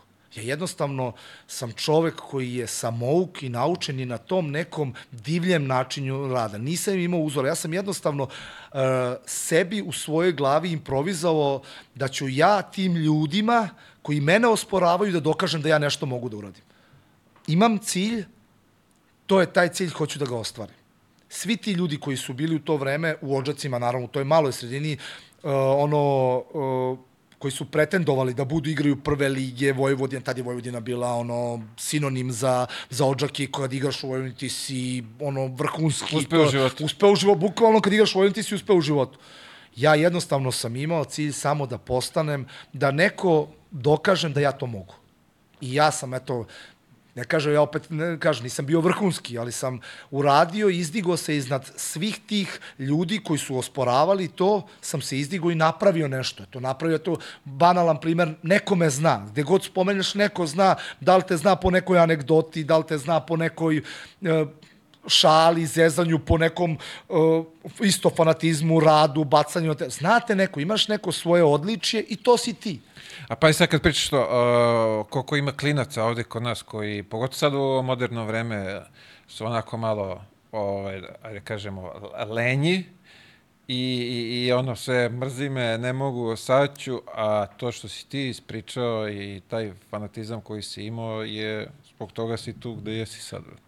E, bez, bez e, da, se, da se razumemo, ti vrlo dobro, bez uh, o, predispozicija. Znači, u, u svemu tome, moje igranje košarki to je bukvalno ono bez talenta. Znači, to je rad, surovi, 90% je rada, nema i ono što sam naučio da igram i taj pick and roll i to sve, naučio si radom, nisi bio talentovan. Postoje talentovani, vrlo dobro znaš talentovane ljudi koji su ono, treba mu samo malo, ali opet i on bez rada ne može ništa da uradi. Ne može, ne moraš mu nadograditi to, taj talenat radom, da mu usadiš radne navike, da jednostavno svaki put sebe u, unapredi za ba, bar po 1%. Jer ono kad se unapredi po 1%, ja moram da radim 30 puta više da bi dostigao taj jedan nje- njegov posto. On je talentovan čoveč. On razmišlja t- 10 puta bolje košarkaški od mene. Znači ja moram da radim 10 sati za to što on radi sat vremena. Jer on je talentovan. On bolje upija informaciju košarkašku nego ja. Ali ja radim 10 sati da bi bio bolji od njega. Zna, svestan sam svojih onih nekih nedostataka i na te nedostatke nadograđujem radom. I kroz priču ovde i, i znamo i, iz iskustva da taj rad malte ne uvek i pobeđuje na kraju. Pa, Ta, talenat se negde zagubi. pa, ima i faktori, moraš se složiti, bio Sreća. si, bio si vrhunska sreća. Pravo je mesto, pravo deo, vreme je, da. i pravi čovek. Svi znamo ko je pravi čovek. U košarkaškom svetu svi znamo ko je pravi čovek i ako te taj čovek ono u neku ruku uh, te odredi da ti da budeš taj, možeš da budeš taj bez obzira na sve. Znamo ko je menadžer koji može da dosta toga da uradi da ti unapredi tvoju košarkašku karijeru. Može i da unazadi isto. Tako Isto da, tako može i isto da... tako može. Pa upravo sam to rekao, zato što zavisi kako on ima gledište na sve to. Tako je, Znaš. može. Vidiš, svaka čast ima njih mnogo koji mogu da ovaj, završe neke stvari, ali ima tu popriličan broj i grešaka. No, Mi kao i uvijek, svakom poslu. Kao i u svakom poslu i posle ono rata pobednici pišu istoriju, da. Tako, Tako da, je. ali ima i ovih bogami koji se... I to dosta, koji loše, su, tako ono- je, da, o kojem se mnogo ne zna, a tih razloga koje, ko je zabrljio... Možda su ovaj, uplašeni da bi, da bi izneli to, ali jednostavno postoje, da, posto, svaka, iz- svaka strana priča ima, svaka priča ima dve Tako strane, je, to tako znamo. Je, tako je, tako je. Ali kažem, uvek se pričaju ove lepše, lep, Da. lepše stvari. Da. Novi Big Hybrid Flex savršeno brije. I da, oštrice mogu da mu se zamene. Kroz mlađe selekcije, kažeš, ovaj, osporavali ste svi, uh, kako je to izgledalo, ajde kažeš, mala sredina, odžaci, tu si u, u toj selekciji, kako, kako dolazi posle i do prve ekipe? Pa tim radom, bukvalno ja kad sam prvi put tog trenutka došao do tog stadijuma fizičkog, da sam toliko dominantan fizički u tom periodu, da ne mogu da te u toj maloj sredini pobede, da svi odustaju jer si ti fizički predodređen. Pazi, ja sa 16 godina sam ušao u prvi tim i od toga nikada više nisam izašao iz prvog tima. Znači ja sam ušao, tad sam imao 55-0 i... 16, čekaj, to, to, to je neka kadetska selekcija, ali tako? Pa, Izlazak iz kadetske... iz- Da, da, da, ja, s- ali ja sam iz izlaska iz kadetske uh, selekcije igro petorku igro 40 minuta. Znači, e, imao sam tu uh, sreću da taj čovek koji je uh, davao taj novac je uh, bio naklon meni, blago naklon. I ja sam bio dete iz Odžaka koji treba da igra, isto su, isto su dovođeni ljudi, naši ljudi, ali iz Novog Sada, e, ako znaš, znaš ko, znaš ko je bio sad tada, tada sa mnom Vagić, ovaj što je trener Džokera. Aha, aha, Nebojša Vagić koji je bio kod Olimpijevića, pomoćni mu je bio Da, da, u da, Zvezdi i da, da. to, on je igrao sa mnom. I ja sam, ono, bukvalno bio taj iz Odžaka koji treba da pravi. I potrefilo se sve, imao sam dobre te kao strance koji su igrali 55-0, ja sam posle toga tražio da taj trener Fischer je otišao u Rumuniju, ja sam tražio ispisnicu od tog čoveka, on je direktno, imao sam problem, naravno, nisu htjeli kao ispisnica dete, mi smo, naš, one priče, uh, u malih sredina, mi, mi smo tebi dali, sad ti nama moraš da vratiš, znaš, on čovek došao, dao mi ispisnicu, ja otišao i od tad kreće moja karijera što se tiče košarke. I, Va, I Vagić je bio sa mnom u Rumuniji, on je bio nešto kratko i otišao. Čekaj, prva stanica je Ru- Rumunija bila? Da. Ja sam, ja sam u Rumuniji, verovo ili ne ovakav, imam, čak imam i neke podatke, to je moja majka pokojna a, skupljala, dalo po 50 poena. Imam, imam dve utakmice, 42-43 poena. Znači, po pet, ali znaš kakih 50 poena? Ukradem loptu, uh, pre, divljaštvo, predivljam i sve i zakucam. O, zakucam. Ono, daš tri trojke Burazeru na, utakmici i daš 40 poena, zato što ono, pre, prebrz si, predominantan si fizički i ono, čak ne mogu, ne mogu ni da te brane ispod. Kako te brane ispod kad se ja zaletim od koša do koša i dam, ono, zakucam. Ne stignu da se Ne postave. stignu da se postave, ja im dam koš, razumeš? Tako sam i igrao.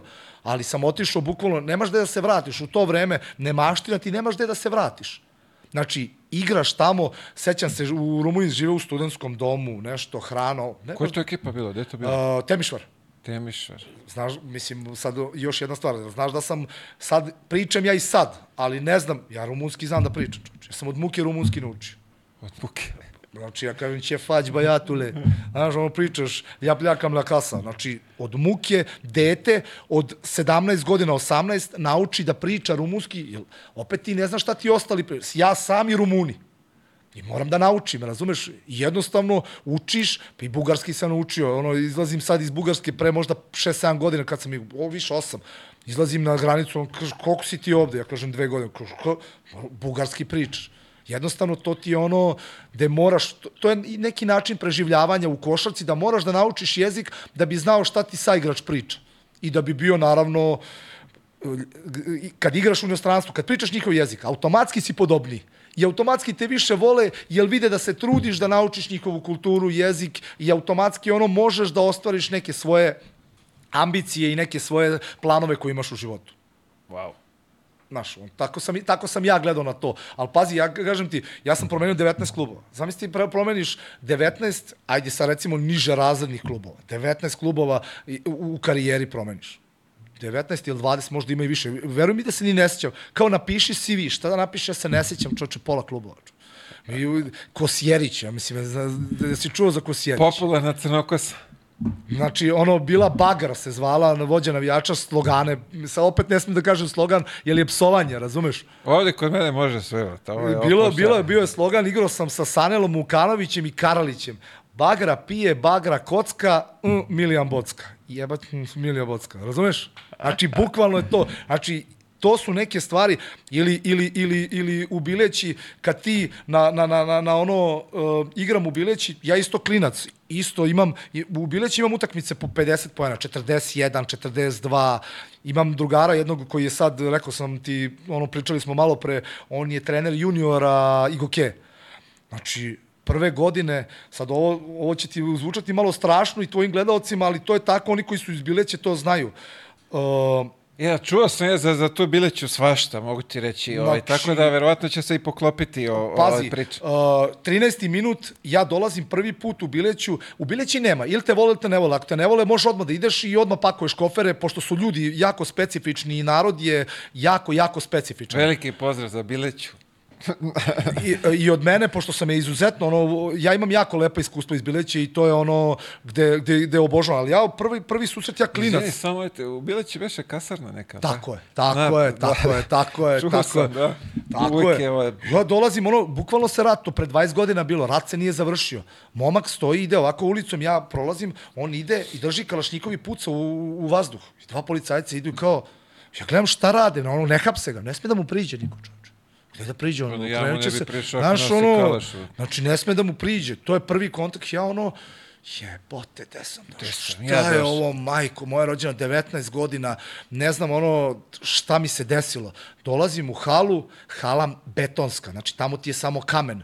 Hladno u hali dole, onaj linoleum, nije ni parket, nego linoleum, smrt za, za, za kolena. Ja krećem tu, prva, prva nedelja treninga s tim uh, bakstom, sve super. Skotivili me ljudi, ja počeo da igram, čoveče, ono, ukradem loptu, zakucam, višim se, ono, ono, ono, oni koševi su oni na... Sa krova, sa sa krova. spuštanje. Ludilo, delirium u hali, oni svi vrište, haos, ono na, na zidu šta piše, ono još rat nije završen, ono Srebrenica, haos. Brate, u jednom trenutku treća utakmica igramo protiv Širokog, nikad neću zaboraviti, oni su, koliko znaš, oni su iz Tako hrvatskog je, dela uh, Bosne, Brate, ispod koša Vojvode, one stare srpske Vojvode sa bradama, šubarama, štapovima, ti ono izvodi ovaj iz lopte, ovaj ga štapom, ono, za, ovde mu štap prolazi da, mu, da ga ne udari. Pali se motorna testera bez auspuha. U hali se ne čuje ništa. Ja i Baksta stojimo, igramo zajedno.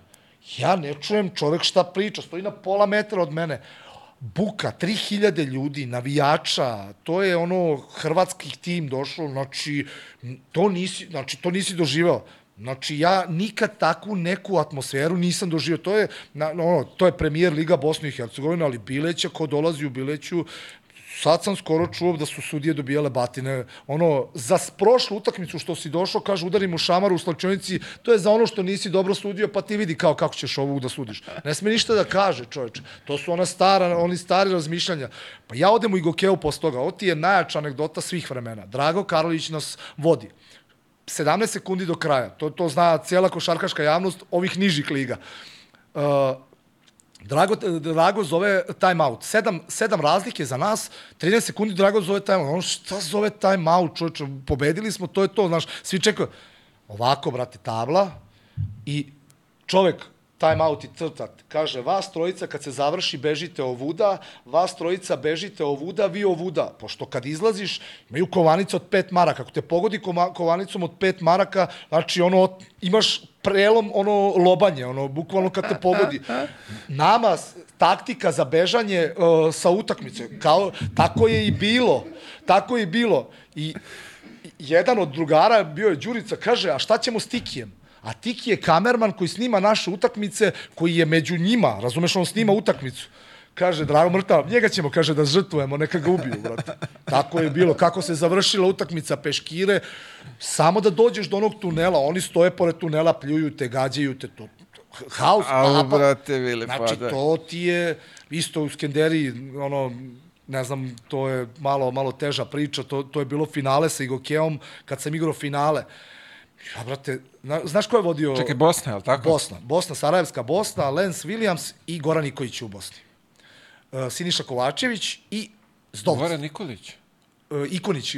A, Ikonić, Ikonić, aha, Ikonić. aha, Ikonić. I Zdovc trener. Zdovc trener. I Lance Williams se sećam. Ona, ona je Lance, Lance, onaj veliki, veliki Amerikanac, petica, brate, da, da. znači ogroman. Tad je, igrali smo mi bre onda protiv njih u FNP, ona ABA liga. Tako Moguće, nešto. moguće. Znači, to finale lige, mi igramo tamo uh, tipa 69-66 za njih. Ja prolazim pored Srpske, to je psovanje majke Srpske, haos, ovo, ono, puna skenderija, bre čovječe. I ja, a ja klinac, lud, brate, znaš, ono, šta ja znam, šta, šta se igra, ja igram ono moje, daj da ukradem loptu, da zakucam, da na, nekome, znaš, ono, bukvalno 200% igram. I, brate, nešto ul- ulazim i dajem trojku. 69, 66, mi isto imamo tri, dva Amerikan, tri Amerikanca, tu je standardna ekipa, mislim da je, ne znam ko je, da, da li je Bajić bio glavni ili pomoćni, ali davno bilo, ali mislim da je Bajić bio glavni. I, brate, ja pre, preklop u glavi, izlazim i oni me, ono, pljuju me, pljuju me, i ja dignem tri prsta s dve ruke. Brate moj, Znači, taj delirium u hali. Prekid utakmice, ja ovako, ja mislim da taj strah u meni, ja, sam stvar, ja, ja se ničega ne bojim. Ali, brate, da ti stojiš na klupi, na onim, da 500 ljudi ovako drma, gađaju te mobilnim telefonima, upaljačima, kovanicama, prekid utakmice, gotovo, sad više nema u igranja utakmice. Ono, ja kažem, jebote, šta je? Izlazimo, izlazimo, prekid utakmica, čisti se tribina, mi idemo u, u tunel. Brate, ne može, ne, nema Bajića i nema stručnog štaba. Okreneš se, oni se tuku, čoveče. Tuku se sa ljudima pored tribina, ovaj ovog drži za gušu, ja vratam Zoku Petkovića, oni dan danas tamo, razdvajam ga, to haos, bre, znači, prazni se hala, izašli mi napolje, finale lige. Znači, nema šta, da, da, nacionalna televizija, sve u haosu.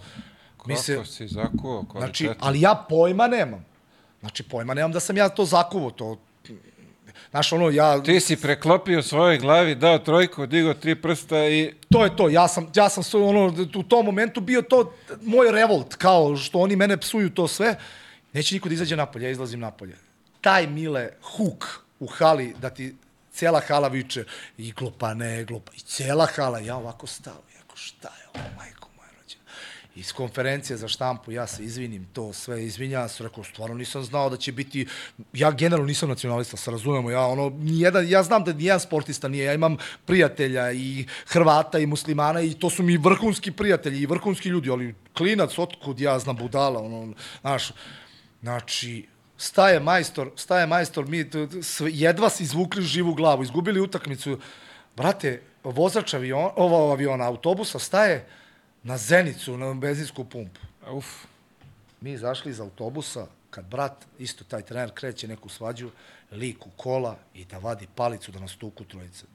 Taj beg u autobus, nas 12 i trenera zajedno, to u životu, pobegli, gas, spašava je živu glavu, ko može čovječe. Znači, to, to je bio, leto, ja, kaže, ono, dolazim na granicu, idem na more, kaže, onaj sa granice, onaj što radi.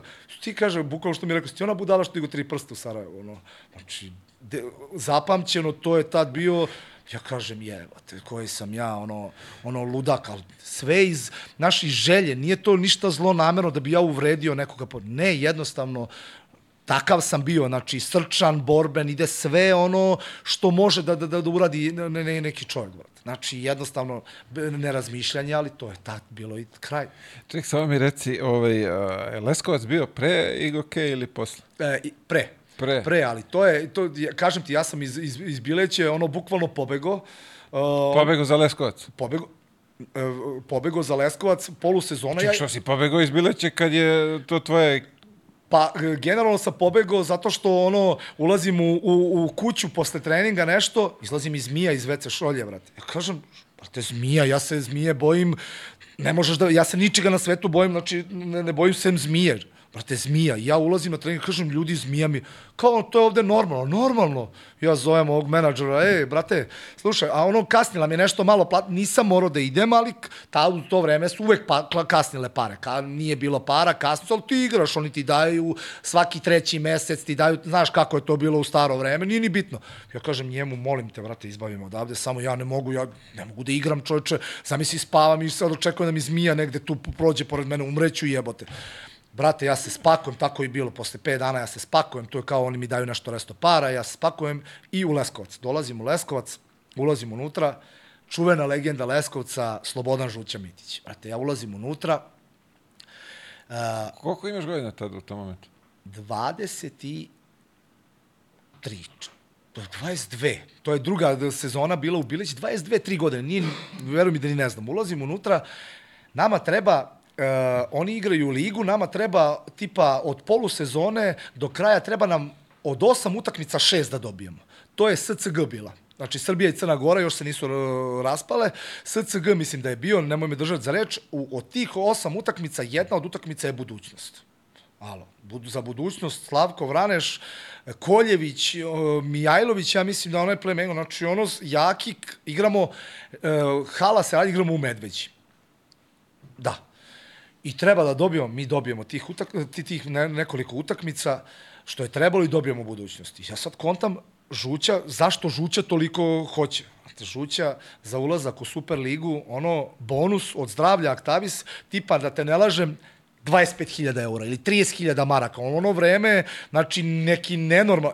Brate, ne sme niko da me pipne u Leskovcu, brate. Žuća me brani gde god krenemo. Znači, on čovjek uzao pare, ja došao, igramo pik, čuveni pik, ja i Žuća. Ja, na, ono, divljak, krećem, da, da, krećem da, da se zalećem, a on stoji na pola. stoji na pola, napravi mi blok, i ja direkt na centra Na idem. koš.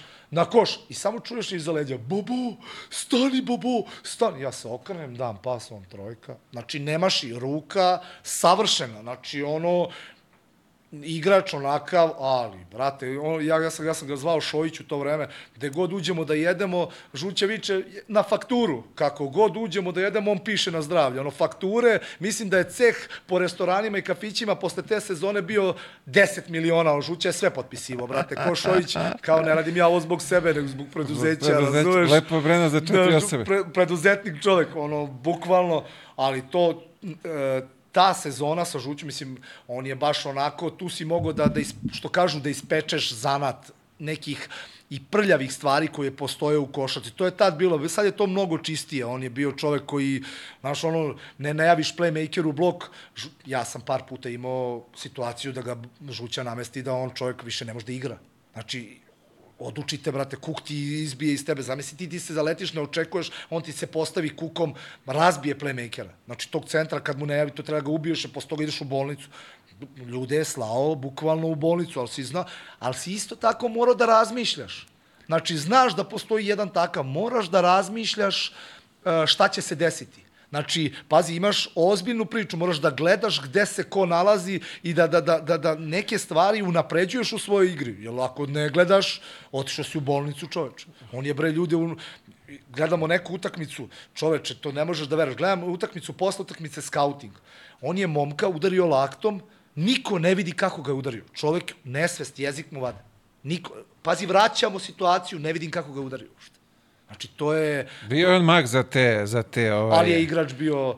Znači, ozbiljna igračina, ali je voleo je da... da, Znači, da ono, ono, to, to na prljavo i to, tipa Partizan, to ja, ja nisam bio tad, Partizan je bio Frederick House, tad su bili uh, Blue Boysi registrovani, to ti je bila uh, registrovana grupa navijača tipa Zvezda, Partizan, Rad, futbalski i Blue Boysi. U ono vreme nisu bili registrovani, bili, morao si da registruješ navijače da bi oni mogli grupno da dolaze kaže puna hala u ovome, Frederick House, on ga, ono, na, na, na, na preuzimanje neko i on kao da će da šutne i finta preko glave, kao dodaće u reket. I on finta, Frederick House kaže direkt sprint u reket i vidi ga kao I okreće se, ovaj stoji smeje se, nije imao zube, ono, smeje se, he, he, he, i ovaj se vraća i šutira i Frederik kao da će da ga zalepi, on šutira i poklapa ga i direkt rukom po faci. Znači, smejanje u hali, prvo što ga je namagarčio, razumeš, što je otišao, nije tamo, ovaj mu se smeje, drugo dao ti je trojku u facu, treće razbio ti nos, čoveče. Pa imali šta gore da te neko na jednoj košarkaškoj utakmici razbije i da ti se smeje 3000 navijača za sve to što ti je uradio. Znači, ozbiljno, ozbiljno, ozbiljna glava za te neke van košarkaške stvari, da, da, da može tako nešto da, da, da, da uradi. Pri tome, naravno, imamo, imamo košarkaškog genija koji pogađa sve to, koji nije interesantno ako ne pogodi, razumeš šta je radio, ali on ti pogodi dati 30 pojena još te, još te prebije od batina, razumeš, ideš kući, što kažu, popišan, brate. Dobio si batin, izgubio si 20 razlike i on ti dao 30 pojena. Zato to, taj Leskovac niko nije voleo dole Pa- na, da, da gostuje. Ma jao, To je. Ja sam jednom imao prilike samo, ovaj, ali nisam igrao, bio sam klinac, sedao sam na klupi, verujem, nije bilo sve jedno, ni, ni, ni sedeti da gledaš, a kamoli. Ja sam, a ja sam, na primjer, imao prelepa iskustva, su me voleli ti navijači, ono, skandirali mi prezime, ja sam ih, ono, ja sam tamo bio, i- ja stvarno, neverovatno je, Uh, je, jedan podatak ti vrlo dobro znaš da kad se baviš sportom uh, otkazi su sastavni deo sporta. Ne dođeš u sredinu, ne uklopiš se, nije to to, jednostavno svaki trener ima neku svoju filozofiju, bira igrača podobnog za njegov sistem rada i to sve. Ja nigde nisam dobio otkaz. Nigde nisam dobio otkaz, to mi je ono baš onako, A mislim sad, e, kroz priču ovako, e, nije mi logično da ti ko dao otkaz ako si ti tamo pre vremena za trening, ako grebeš ko što si grebo, ako si toliko požeštvan, e, niko neće da tera takve ljude. Svi hoće da ih imaju u ekipi. Pa pazi, e, ba, e, dovoljan primjer ti je Igokea. Igokea je prve dve godine moje, uh, sad ne znam, to je, bilo, to je bio Aleksandros, tad Igokea još počinjala da igra, to se razvijala, ja sam prve godine kad je Igokea počela da ulaže neki astronomski novac u, u košarku i, i, i, i oživljavanje sporta generalno u, u Aleksandrovcu, tad nije bi su ni bili lakta, laktaši, nego Aleksandrovac, pošto je Dodik, u Dodik je rodom iz sela pored Aleksandrovca. Oživljavanje sporta, znači ono tamo je bilo bukvalno odigraš jednu utakmicu, loše dobiješ otkaz. Pa ja, Tošić iz Bara, Slobodan i Nikola Vučurović, ja prve godine kad sam bio, Kao on sam se sprdo, svaki, svaki dan ti je spakovana jedna torba, posle utakmice dolaziš u ponedljak na trening, znaš da će neko dobiti otkaz. Ako izgubiš, neko dobije otkaz 100%. Znači ono, bukvalno, prošao sam 200 igrača. Dođe čovek, odradi pripreme, ne zadovolji čuveno kupovanje preko highlightsova i ostalih, dođe on, tečko zna da zakuca i to je sve, otkaz ali bude uredno isplaćen, nema ta, nema dugovanja, nema ništa. On njemu to što se obećalo za taj mesec ili to, on bude uredno isplaćen, potpiše to, on je otišao. Znači, da te ne lažem, ali prve godine, ako je bilo, uh, imao si onaj uh, limit koliko možda dovedeš, re, da registruješ, ne da dovedeš, da registruješ, tipa 20, uvek je bilo pun limit. Uvek je 24 registrovano i 24 je dovedeno. I preko toga na pripremama što računam, znači igrača nema, ne postoji igrač u UK s kojim ja nisam igrao, a da se bavio ozbiljnog. Znači tamo sam naučio i FMP i traume iz FMP-a koje su imali, to vrlo dobro znaš. Dolezi, dolezili su mi igrači istraumirani, haos, ono, znači znaš priče, da ne pričamo te priče, ne znaju, znači ne, ne mogu da igraju u košarku, jer istraumirani ljudi bre dolaze iz FMP-a.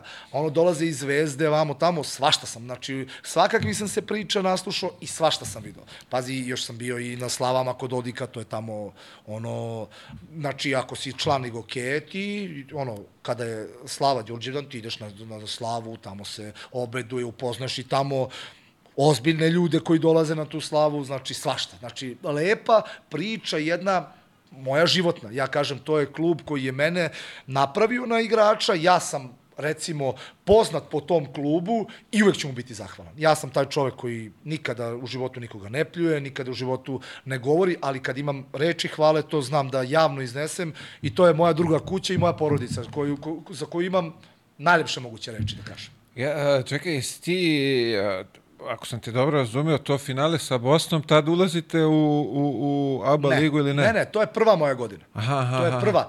Dr, uh, u ABA ligu ulazimo uh, godina kad su bili Jorović i Doze, te- tek su došli, ali nisu došli svi igrači, to je prva godina. Ja uh, igramo, igramo tu sezonu, sad da, da se setim, igrali smo prve godine, uh, ja sam slabo igrao, to je ABA liga, oni su igrali, ekipa vrhunska, znači to, to se više nikad neće ponoviti. Ja garantujem da je ok, takav sklop mentalni igrača i naravno i košarkaša i sve i ljudi prevashodno, tako da se uklope i tako da se spoje, jako teško, jako, jako teško. I ja te godine, nikad neću zaboraviti, e, to je isto dobra anegdota, družio sam se, ja i Doze smo bili nerazdvojeni, ono, izađe, e, on je izuzetno porodičan čovjek, ima dvoje, dvoje dece, tad je dobio dve čerkice, bliznakinje, znači jedan čovek, ono, sinonim za dobrog sportistu, porodičan, dobar, ali kad se ide na kafu, zovem se ja i to je ono, anegdote, zezanje, haos, ovo, ono, i to je to. Družio sam se s Brankom Jorovićem i generalno ja sam te godine slabo igrao. Oni su igrali i to je bilo, ali sam znao svoje mesto, trenirao sam 200%, služio sam treningu, radio sam ono što mi se kaže, kad uđem odradim svoj deo posla i to je to. Tako smo funkcionisali. I ne treba remetiti ako je krenulo sa 10-0 u ABA ligi gde je ozbiljna ekipa, ozbiljna liga, znači u to vreme sa najmanjim budžetom te godine. Znači 10-0 krećemo, kaže meni Branko, treniraj, bit će to sve okej, okay, bit će to sve okej. Okay. Ne igram ja ABA ligu, završnica o, Bosanska liga. Bosanske lige, široki, široki isto bomba. Bomba ekipa, ovo ono, mi ne dobijamo. Nismo nikad osvojili titulu uh, u Bosni. Ja sam bio tamo tri godine, nismo osvojili bosansku titulu. Široki je ono vedrio i oblačio. Ne, prvo ne možeš zbog sudija da ih dobiješ, ajde. Ono, oni su tad bili mnogo bolje, bolje poziciji nego mi. Mi se tek uh, ono oformljavamo, a oni su već klub statuiran, ono već igraju godinama. I brate, kaže, vidjet ćeš nešto će se desiti. Znači, tipa kraj utakmice Aleksandrovac, ajde da te nalažem, tri razlike. Je, mene Bajić ubacuje na pet minuta, vrati. Ja igram tu nešto, vrzma se ovo ono, oni na, na dva razlike, uh, kako se zove, na jedan razlike spuštaju, ja kradem neku loptu, idem na kontru, oni faul, tipa 5 sekundi do kraja, faul, ja dva bacanja. Ja se okrećem prema Joroviću i razmišljam u sebi, Burazeru. Ja ako promašim sad oba bacanja i ako oni pobede, ono zakopaće me negde, brate, u one voćnjake tamo, na, za 10 godina će samo kačke da izraste, pošto ja kačke, biće ovde je bio Milijan Bocka koji je promašio bacanje za titulu i mi nismo osvojili titulu, ono ubiće me neko, razumeš, ono, njima je to sve tamo.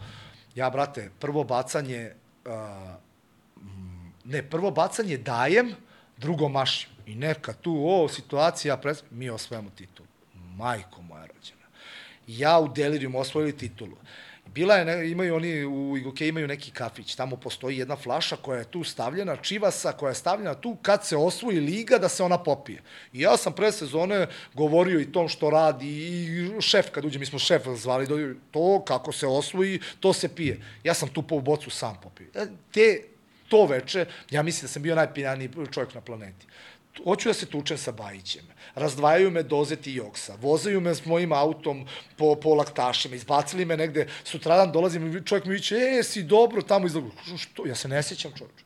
Oni me izbacili, bio na t, pijan, ne sjećam se ja, odušlen što sam osvojio ligu, ono, kraj sezone, znači, haos, delirium, znači, ta ekipa, veruj mi, da, da, da je postojala bolja ekipa, ja mislim da nije naravno prednjači Dozet i Joksa koji su, Joksimovića znaš, Kako da znači ne? oni pred, prednjače sa, sa, sa zezanjem i tim, nisam smeo čovječe telefon da nosim na trening. On je, do, mislim, Dozet, anegdota čuvena, ja kupio BMW-a, brate, ono, nov, Gans nov, tipa 15.000 na satu, koža unutra, lep kao lutka, brate. Ali ja bolesnik, ono, ceo život sirotinja, znaš, i sad ja to sve pazim, mazim, to je čuvanje, parkiram se na dva mesta ispred hale da me neko ne udari vratima, znači, ali ovaj to, ovaj, ovaj, ovaj, ovaj, ovaj moj kum, to sve, znaš, ono, da, znaš, ono, ima parking mesta i sad ja stanem na crtu, da ne može niko da stane ni levo ni desno, da me ne udari vratima. Ovaj, ovaj sve to pamti, onaj, to, on, kompjuter čovek. Brate, jedan, jedan dan mi došli na trening i on se setio, čovječe, u dogovoru s Bajićem. Bajić je za te neke stvari uh, organizacione i stvare, uh, stvari za stvaranje hemije vrhunski. Tu nema prigovora. Znao je da uklop idemo na pića, zezanje, veselje. To je bilo top, razumeš? Brate, ja dolazim, on se dogovorio s Bajićem, ja izlazim, kako se zove, s treninga, mi se istuširali, ja izlazim napolje, oni svi, svi se dogovorili, znači svi znaju se mene, naravno. I izlazim napolje, oni kola, odlaze svi. Ja gledam, nema mog auta, čovječe. Kako bre, nema auta, kupio novo auto. Ja ključ držim u ruci, brate. Znači, nemoguće držim ključ u ruci, nisam lud, jebote, došao sam sa autom. Sad razmišljam, znaš, ono prvi, prvi mah, jebote, možda nisam došao, možda me neko dovezu. Ma ne bre, došao sam sa autom, bre.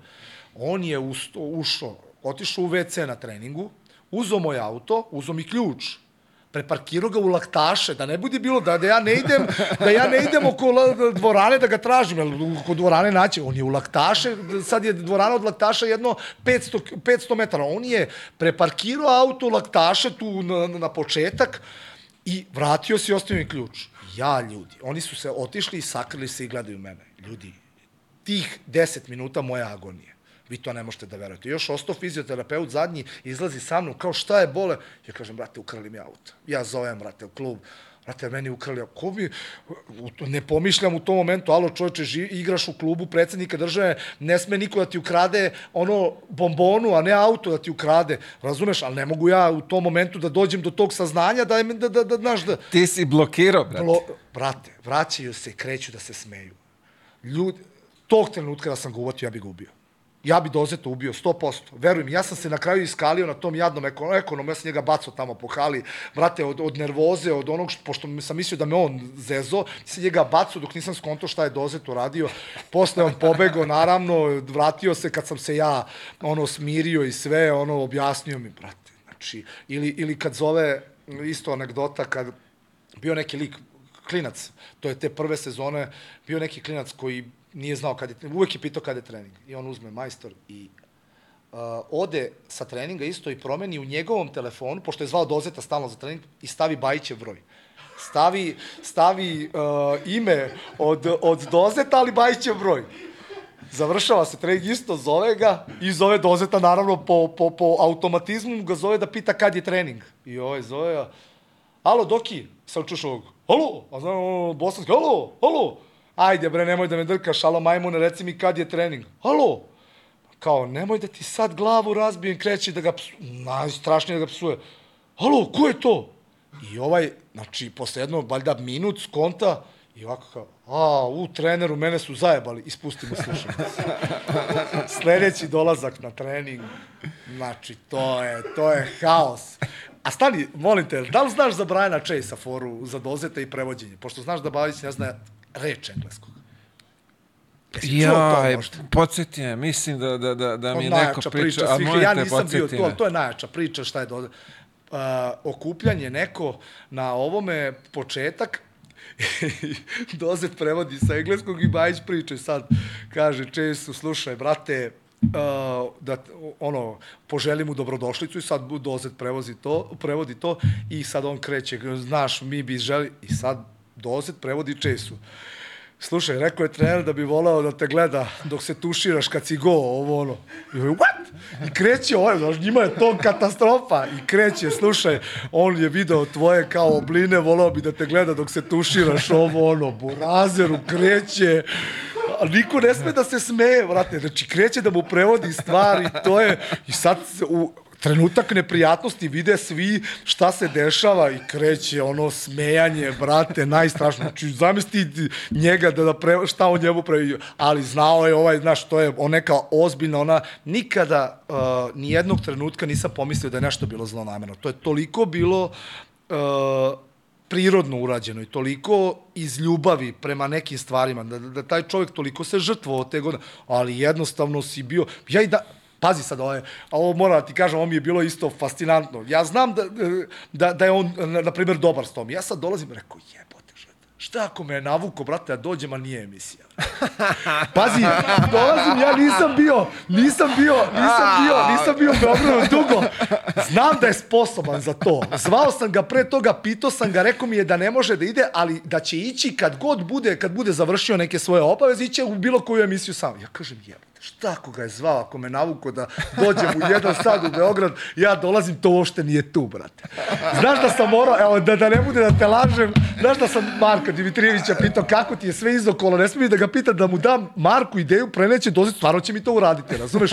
Ja sam Marka pitao, rekao, kako je, gde je, da znam da li je to to, razumeš? Ne verujem mu, Ma, brate, ništa. ne. Možeš da, ja posle toga, mene niko ne može da iznervira. Veruj mi, ne može ništa da me iznenadi i ne može posle te sezone ništa da me iznervira. Ja sam toliko naučen na te neke stvari da to Proveravaš sve dva puta. Bukvalno, veruj mi, sve što je košarkaški, ja sve proveravam. Evo, evo kunem ti se, ovo sam sad instinktivno ti rekao, pazi, d- dolazim zato što sam šeto i kontam, evo te, tako me stvarno, sramota, brate, ono, doći ću, ljudi znaju, pošto generalno, um, ja sam specifičan i sam vidiš i po izgledu i po svemu, što, ne znam da li se sećaš, uh, znaš li ko je Novak Popović? Uh, rođeni brat od Popovića Aleksa što je bio u budućnosti. A, okej, da. E, I generalno ja dok sam bio u Gokeju, oni su svi imali malu decu. I mene stvarno deca mala vole. I taj Novak Popić kaže, pa naravno da te vole kad vide da su svi ljudi isti i jedan različit. Brate, vide u tebi ninja kornjaču, ono, moraju deca da te vole. Deca osete, razumeš, ono, crtani junak. Znaš, i to je ono celo. I, tu, I to je sezona pre toga koju mogu da ti kažem toliko lepih anegdota. Da ti, ne znam, e, I, I to sam se pre neki dan setio i to mi je bilo, ono, nećeš moći da veruješ, sa par ljudi ovih uh, basketaša što su bili kod tebe, ja sam s njima trenirao i oni znaju tog momka. Znaš ti ko je Stefan Feketa možda? A, znam Negde iz priče, a tako? Igrao on ko, košarku, ali Igro je, tako? igro je sa mnom smo- u Igokej, zato te i pitam, jel znaš? Vidi, sad kad mi kažeš ime i prezime, sigurno, da. Za njega anegdote su jako je dobre, a sa mnom je igrao. a, Redko je prezime, zbog toga... Da, on ti je kum od Milenka Tepića, ja mislim. Aha, aha, A on je kum od Tepare i znamo i sa mnom je igrao. Čoveče, da li ti možeš da veruješ e, da čovek u ono vreme igra ozbilj, za ozbiljne pare u Igokeji i sve i kaže sipaj mi gorivo za pet maraka. Znaš šta je pet maraka? To je 200 dinara. Da misli kad dođeš uh, transferne prijatnosti uh, čoveka koji toči gorivo, zna da igraš za Jugokeo i kaže sipe mi za 5 maraka, to je 200 dinara, ne može ni litru da mu sipa. Šta može da uradi s litrom, brate? I on sipa gorivo za 5 maraka. Ali za takav lik, znači čudan, još jedna banalna. E, Svi kad dođeš u laktaše, te prve godine kad dođeš imaš čoveka koji radi na parking, u parking servisu. I ti kad dođeš za dobar dan, 40 maraka si platio, ali ti stavi kanđu, svi se parkiramo na neko mesto, jer la- laktaši ne znaš gde može se parkirati, parkiraš se, misliš selo, pa se, on dođe staviti kanđu, ti platiš dobrodošlicu 20 eura, to je 40 maraka, i svi smo navikli, i svi smo platili, znači ne postoji igrač koji nije platio. Stefan Fekete je došao, to je bilo, teo da se tuče s čovekom jedva smo ga spasli čoveka da ga ne prebije, zato što mora da plati 40 maraka, brate, taj parking. I sad, generalno, ka, što je najgore, krivije. Znači, nije on njemu slučajno stavio kaznu, parkirao si se na nepropisno mesto, to je to.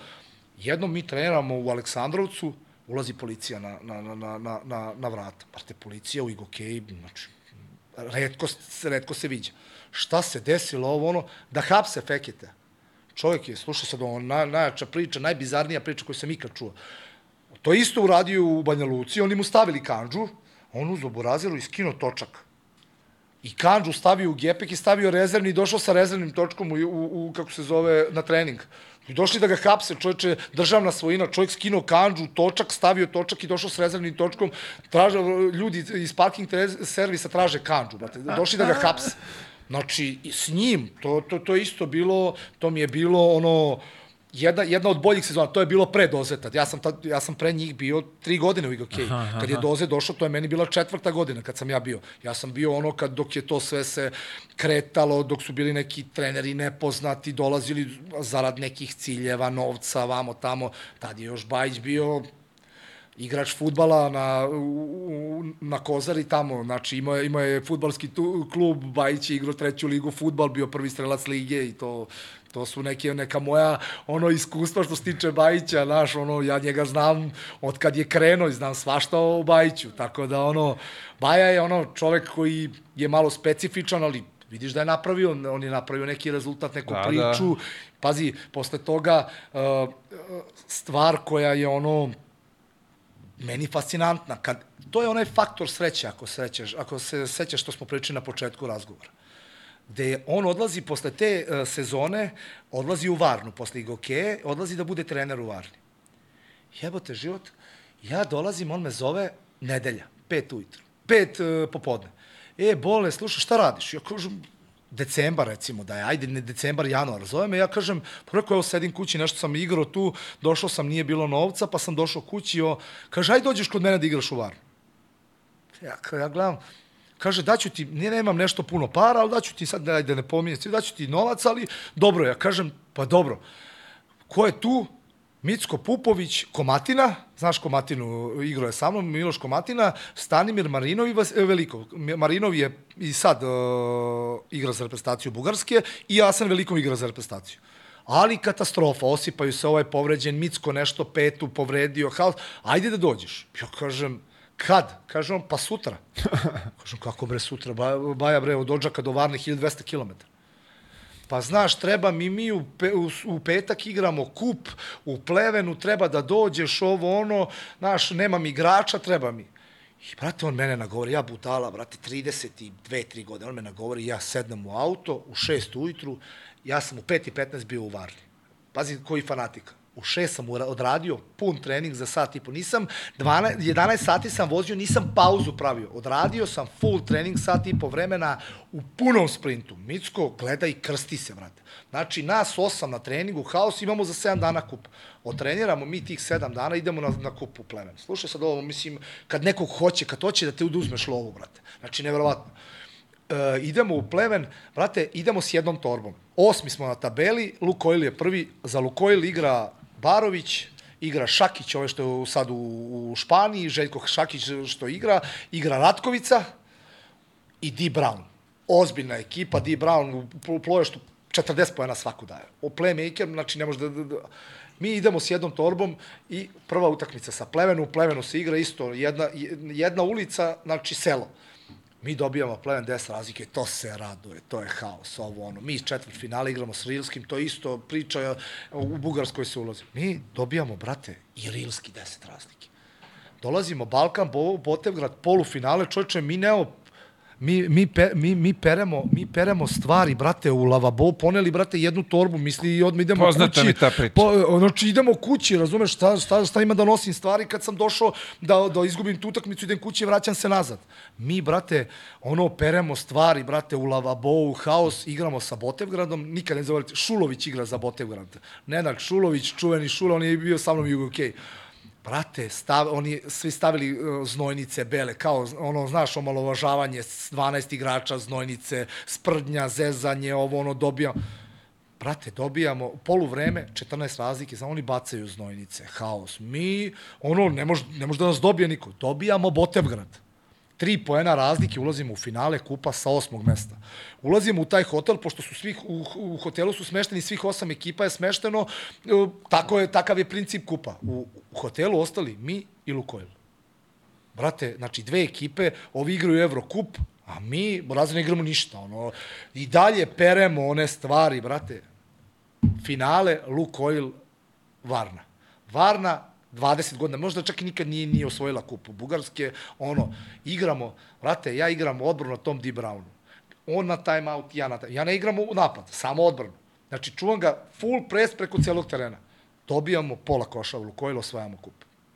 Bajić uzima bonus, nama port neki Varna, uzima bonus neki nenormalni, on je, on je čovek stavio u ugovor, ako osvoji kup, oni kao da stavi, brate, ono, volim ovo stavi. To, to, Znaš, to. on stavi, ba, stavi Nemoguće. šta ćeš to, nemoguća misija, igraš s Lukojelom, oni igraju Eurocup, imaju budžet 5 miliona, a ti imaš budžet 300.000, stavi, brate, šta hoćeš.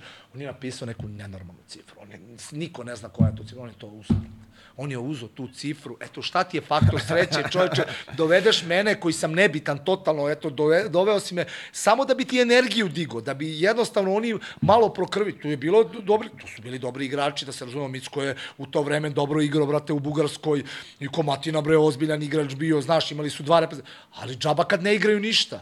On je mene doveo da se to digne za neke, ajde recimo, smešne, relativno, pa on je uzeo nenormalne pare samo na tome. Dao procenat, bre, od bonusa?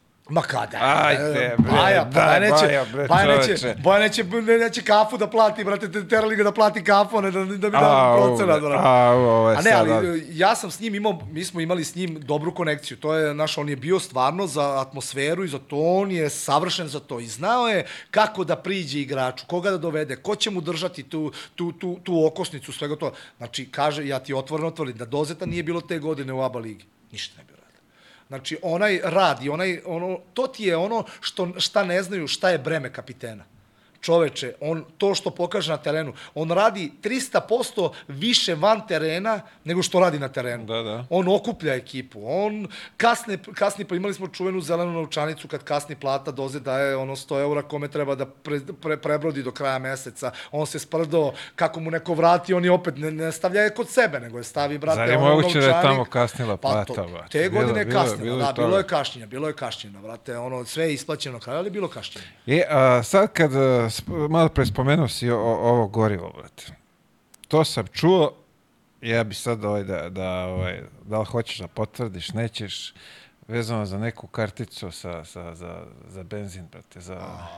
za, Za Šulovića i Šulovića istina živa. Kad su mi dali, kad su mislili kao da do, se sipa bonus benzin, pa mi dali kad ne znam šta je, ali ako čuo sam da ima, kaže, ovaj, pitaj da vidiš da li će ti, pa ti sad, pa, e, ako si sad voljan. tačno kako je bilo, bila je kartica neka ja sam mislio da se ta kartica kad se provuče da dobijaju određeni, određeni novac da se sipa benzin. Nisu to meni dali, to je kartica bre za bodove koji dobijaš na svakoj pumpi, razumeš, ono kad sipaš gore ti daju bodove, ne dobiješ ništa. Ja sam mislio to besplatno, točenje gore. Ja došao, parkirao se u laktaši, kao karticu platio, sipao, ono, kao dajem karticu da pla. Pa me gleda kao šta ti ono, to kartica, brate, za bodove, ne, ne može brate, on isto smes, oni ži, doze živi kuća pored pumpe, brate, ne stoje, umiru, ono, znači, znači, ne možeš da veruješ, ono, ži, šeta hrta, ne, ne znam da li ti je rekao da, da je imao hrta, brate, da je živeo sa hrtom u stanu, ja ulazim u stan, on ima stanom, brate, hrt ima svoju sobu, volki hrt u stanu ima, ima zepe za parket, brate, šta, šta radiš, brate, To je hrt je bio, brate. Zepe za parket, za, za, za kera. Za, za, da, da ne grebe parket, brate. Oni to njemu oblače, obuvaju, on to hrt. Znaš ti, ne, ne, volki pas čoveče, oni plaćaju, kaže, dozeti više njemu plaćam kartu za kipar nego sebi. Ono, za, za, za karta za životinja, razumeš, on mora posebno mesto da ima karta, ne znam, lupam, 800 eura za njega, ženu i decu je karta 200 eura, razumeš, on više plaća za kjera nego za sebe, mislim. On, je- a- ali on toliko harizmatičan i toliko e, čovek sa humorom e, da je to nestvarno da neko ne mo, da, da, da, da ne poveruješ da čovek ima toliku dozu uh, te socijalne inteligencije da zna da ti priđe da to nestvarno. Nije on, da se razumemo, nije on slučajno na toj, na toj poziciji. Koliko god oni mene zezali, ja kumara, kumara, ja ga volim. On, on je meni mnogo toga dobroga u životu uradio, zato ga i volim. Ali on, svi su oni u takvom sistemu kakav je zvezda, nisu oni tu slučajno. Oni se proveravaju, oni znaju šta dobijaju s njim, a šta gube. To je sigurno na toj poziciji iz nekog razloga. Nije to ništa slučajno. Dobro, da odzet je ko, koga zna, ovaj, što ti kažeš, jedan dobar čovjek i... Ne dobar, ja kažem najbolji koga sam, oni me, mi imamo grupu sad tu, na, na, to je najbolji čovjek koga sam ja upoznao. Znači, to su toliko ne zlonamerne šale, toliko smešne da, ono, naš, ne možeš, ne možeš nikako da ostaneš imun. Čoveče, gledaj sad, banalan primjer, znači, ne možeš da veruješ, Branko Jorović to, u, tu, u te sezone, najbolji igrač naš. 15 pojena, 17, 20, ne može da ga čuva niko. Brate, najbolji igrač koji postoji. Bajić zabranjuje dozetu da zeza Branka od srede do petka. Nema zezanja, zato što ne može da igra. Ovaj ne, ne prihvata šalu kako treba. Čoveče, ovaj ima ultimatum. Sve sme da zeza, sve, da izvijem što ja kažem, ono u žargonu drka, sme, sve, sme sve da drka, sem Joreta. Jore nam treba, ako Jore ne da 15, mi ne možemo dobijemo utakmicu. Ne sme da drka Joreta. Jore nije baš, Jore je mnogo dobar čovek. A znam, igrao sam čovjekom, brate. Ja, ja sam s Joretom se družio privatno stalno. Sa, ja sam svaki dan bio sa Joretom i sa, sa, sa, sa, sa, kako se zove, sa Dozetom. Ali stvarno on je prihvatao tu, na kraju, na kraju je i on to počeo da konta, ali na početku je bilo ono, ne smeš ništa da kažeš, čovjek on se uvredi. Ja sam porodičan čovek, mene ne sme niko da zeza ovo ono, ali to je, znaš, ono, sve to u nekom, u nekom maniru dobre atmosfere, znaš, spontano on to zeza. Nije sme, ovaj mu je branio, stvarno do- dolazilo do tog trenutka sastanak ne sme da se drka Jore, svi smeju, samo Jore ne sme dok se ne završi utakmica. Njega Onda- ne dirajte, treba nam za pobedu. Čovječ, ne možeš, ne možeš pobediš čovječ, ali on svaku utakmicu 15 Izbacite dana. ga iz ritma, brate. Da, da, ne smeš, ne, znaš ono, i to je isto, ima, ima mi logike čovječe, mi imamo ozbiljan rezultat, rezultat koji Gokeja više neće ponoviti. Imaš igrača koji, bez kog ne možeš da, da ostvariš, da, da ponoviš taj rezultat. I tako je moralo da funkcioniš. I posle je to ono došlo do nekog svog imao sam isto banalan primer imao si Sinušu Štembergera ako znaš ko je on je jedno vreme bio Kako, nekako, da on je bio jedno ubica, vreme najbolji da najbolji strelac ABA lige ali čovjek koji voli da popije, voli taj neki život razvratnički, što kaže on, ka- kad je došao prvi njegov, naš do- dodir, on je u Zadru, ne znam da li znaš tu anegdotu, oni su ga našli u službenom autu, ovom pijanog slupo auto, vrate, Škodu slupo od Zadra, od košarškog kluba. I dolazi ovde, on je, ja mislim, uh, nemojte me držati za reč, ali mislim da je prvi uh, stranac hrvatskog porekla koji je došao u, u Igokevu. Aha, aha, aha. I sad samim tim ja sam tu tamo dugo i razmišljam, evo te život. Znači, doveli su, to će biti, znaš, ono, zeznuto, znam da će ga, bit će sigurno od strane, dolaziš u, ozbiljnu, u ozbiljan sistem, za svoje pare oni vole da znaju šta se dešava, mala sredina, i da ne vole i da ne žele znaju, jer to je mala, Mala sre- sredina, brate, Ti da. si igrač i gokeju, šta se ulaže, neko te voli, neko te ne voli iz ovih, iz onih razloga, razumeš, ali si u, u, u, u etru dešavanja, znaš, znaju da postojiš. I ja mu kažem, nemoj da radiš neke stvari, rekao, 100% pratete, zna se, je, znaš, ono, Dodik je takav, znači, predsednik države, zna se sve. Ma ništa, ono, on je takav, on je veseljak, ljudina, da se razumemo odmah, to je moj prijatelj, evo, malo pre sam se čuo s njim, znači, ovo je, pita, pitao sam, dobio sam dozvolu da ispričam ovo sve, kako se zove, ja mu kažem, nemoj da radiš to, On je to sve radio, ali i on, svaka utakmica nema. To ti je, brate, 12-15 pojena, šut, odlučivo utakmice, to su pogađanja s 9 metara, to, ozbiljan šuter, razumiješ, oz, ozbiljan Ubica rang bio. igrača. Znaš, mi imamo 15-0, niko Štembu ne, ne dira. Mi znamo šta Štemba radi, ali ga niko ne dira. Ko bi ga i dirao, kad imaš tako nešto, niko neće da poremeti bilo šta tog tipa. Dok nije došlo, to je, to je, on nam ispričao, dok nije došlo tipa mart tamo, završava se sve, on isto, naravno, u nekom kafiću u laktašima, laktaši su mali, veseli se, ono, zapio se, veseljak, ovo, ono, i prilazimo majstor i kao, aj, siđi sa stolice, nemam, nije lepo, košarkaš i go... On kao, šta, ko si ti meni za stolice? Kaže, on, on, znam da si dobar momak, svi te volimo. Kaže, znam bukvalno šta si, gde si, kako si radio, gde si bio, šta si, s kim si. Kaže, Štemba u tom trenutku, kaže, ono, otreznio se u momentu. Čoveče, ne možeš da dođeš u takav sistem, ti prvi, a da ljudi nisu upućeni u tvoj život. Svi znaju sve šta radiš, nemoj da praviš To je, kaže, tad je to uradio i nikad više, još je ostao tri meseca, znači nije ni izašao, ni, ni, ni popio ništa, kažu, je, pa ja kažem, pa šta si očekivao, mislim, šta možda očekuješ kad je takav sistem rada, razumeš? Carski. Znači, sad, ne, A dobro, vidi, s obzirom da, da postoji neki rizik ovaj, da možda se desi neko sranje bolje i da, da, da gledaju šta radiš nego da, Da, da bude štete po sve. imao sam, kažem, i ok, imao sam i dosta, dosta sam, vidim da voliš Užičane, oni su ti onako uh, dobri Vidi, gosti to su, da, da, i, da, oni su- i, i jako su onako, znaš, i, i, ali to je stvarno tako sa njima, sa njima su anegdote najbolje. I ja generalno garantujem da su anegdote sa Užičanima najbolje, jer su oni onako veseljaci po prirodi, vole, vole uh, popiti za galamić, što kažu oni, Da, vole, da, znaš, da. Tako da, ono, i s njima sam imao par anegdota sa čuvenim Slavkom Stefanovićem, znaš ga, ovo, isto, obožavanje ono tog e, života da se popije da ovo čim ne, ono nećeš da piješ a on nećeš popiješ s njim zove se otaš.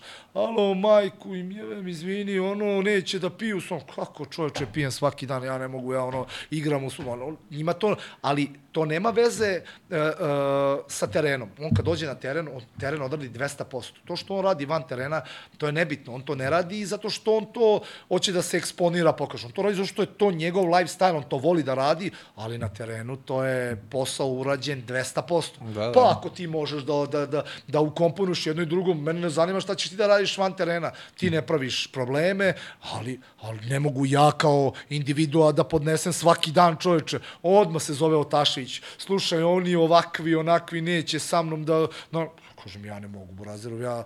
Ne ja mogu da pratim ritam. Pa ne mogu nikako, ne može niko. Ne ja, ne može niko, ali to je njihov, ono, bukvalno lifestyle. Znači, nema, ali su prezanimljivi i predobri ljudi. Ja s njima baš i dan danas e, imam baš dobru konekciju. E, uh, vraćam samo ovamo ovaj, do, do Igoke. Ovaj, dobio sam informaciju da Marka Brkića nisi mogao čuvaš. Kaže da te obilazio kako je god hteo. Marko Brkić. Da. Marko Brkić. Kaže, ostaje, bukvalno te ostavi u blatu da stane Marko za nije. Brkić je čovek koji ima 2.10, za koga ja dve godine nisam video da je ušao reket. Ja za dve godine, ljudi, ja sam trenirao s Markom Brkićem dve godine. Radio šuterske treninge. E, ja mislim da nijednom Izuzetno meka ruka. Nikad u životu bolji šut. Ja Izuzetno video. A bio sam, recimo, recimo da sam u Igokeji prošao fond igrača prilike od 250. Ozbiljnih igrača, šutera, NBA igrača, evroligaških igrača. A, takva ruka mislim da nije bila. Znači, neverovatno, čovek šutira na, na šuterskom tipa 27-27, pa promaši jednu, pa onda 30 veže. Trojke. Mi bila neka anegdota za njega, ne, negde su igrali i Amerikanac neki trener, ovo ono, i kao, njemu se, kao čuje ga na pola ruke, pa jedna, druga, vidiš ovog Amerikanca, okreće se prema treneru, kraj, Buraziru Brka ubacio prvu, 40 i on 15 trojki daje, on se ne pomera, on čovjek, što ja kažem, to je, složit ćeš se, e, jako lepa i najlakša pozicija u košarci ako ima šut. Ako nema šut, ti si u velikom problemu da igraš četvorku. Vidi, svaka je pozicija dobra ako imaš šut. I to se, ali četvorka je najlakša. I odigraš pick and pop, on je to radio, ali nema, znaš kad brku ostaviš pola Da, kao, da. samog, to je koš, tu nema, ne moraš ni da, vraćamo se, čak ne idemo ni na skok, hoćeš da ideš, šu, brka To šutira sam, tu nema, tu nema greške, to ti je koš u najavi, u najavi koš. Čekaj, pa jel te obišao, brate, jel te nešto kaže da te ostavio u blatu? Da Ja mislim da jednom je bila A? anegdota, ja sam generalno čovjek koga je teško obići, nešto je bila anegdota na Nešto treningu. kaže, vidi, samo proveri kako sam ga obišao. Nije znači, znao da se nalazi. nešto je bilo na treningu, ja mislim da su me narednih tri meseca, to je od dozeta o, dokumentovao da Marko Brkić obiđe nekoga jedan na jedan, to je nestvarno, pošto znaš i sam, Brku poznaješ jako dobro, tako da, ono, ali kažem ti, ta ekipa, to je, ono, da, da ne povereš. Imao si dva Amerikanca, Cliffa Hemonca i Corsley Edwardsa, vrate, znači, da se tako Amerikanci uh, stope sa, sa Srbima, da ta, toliko budu homogeni, nestvar. Nestvar. Znači, ne možeš da veruješ. I, i imao si Filipa Fiću Adamovića, ako znaš, Kako da ne. Fića, Fića je tad počinio da igra, dobio šansu koju je iskorišćavao maksimalno. Znači, ono, isto, dečko, ono, i prvo, pre svega intelektualac van terena, on je čovjek koji je izuzetno inteligentan i sve. I u košarci izuzetno inteligentan. Ono što kaže dozad on da valja, on bi porastao. Mislim, on ima 175 i igra košarku, ali ono što, što on radi, to je vrh. Uh, spominješ, mislim, dozeti ovde non stop, ovaj, provlačimo ga kroz... I, imam neka dve ove što sam dobio od njega da te pitam. Uh, prvo je za neki boost što si popio pred neku utakmicu. Šta sam popio? Boost onaj za, za, za energetski, onaj napitak.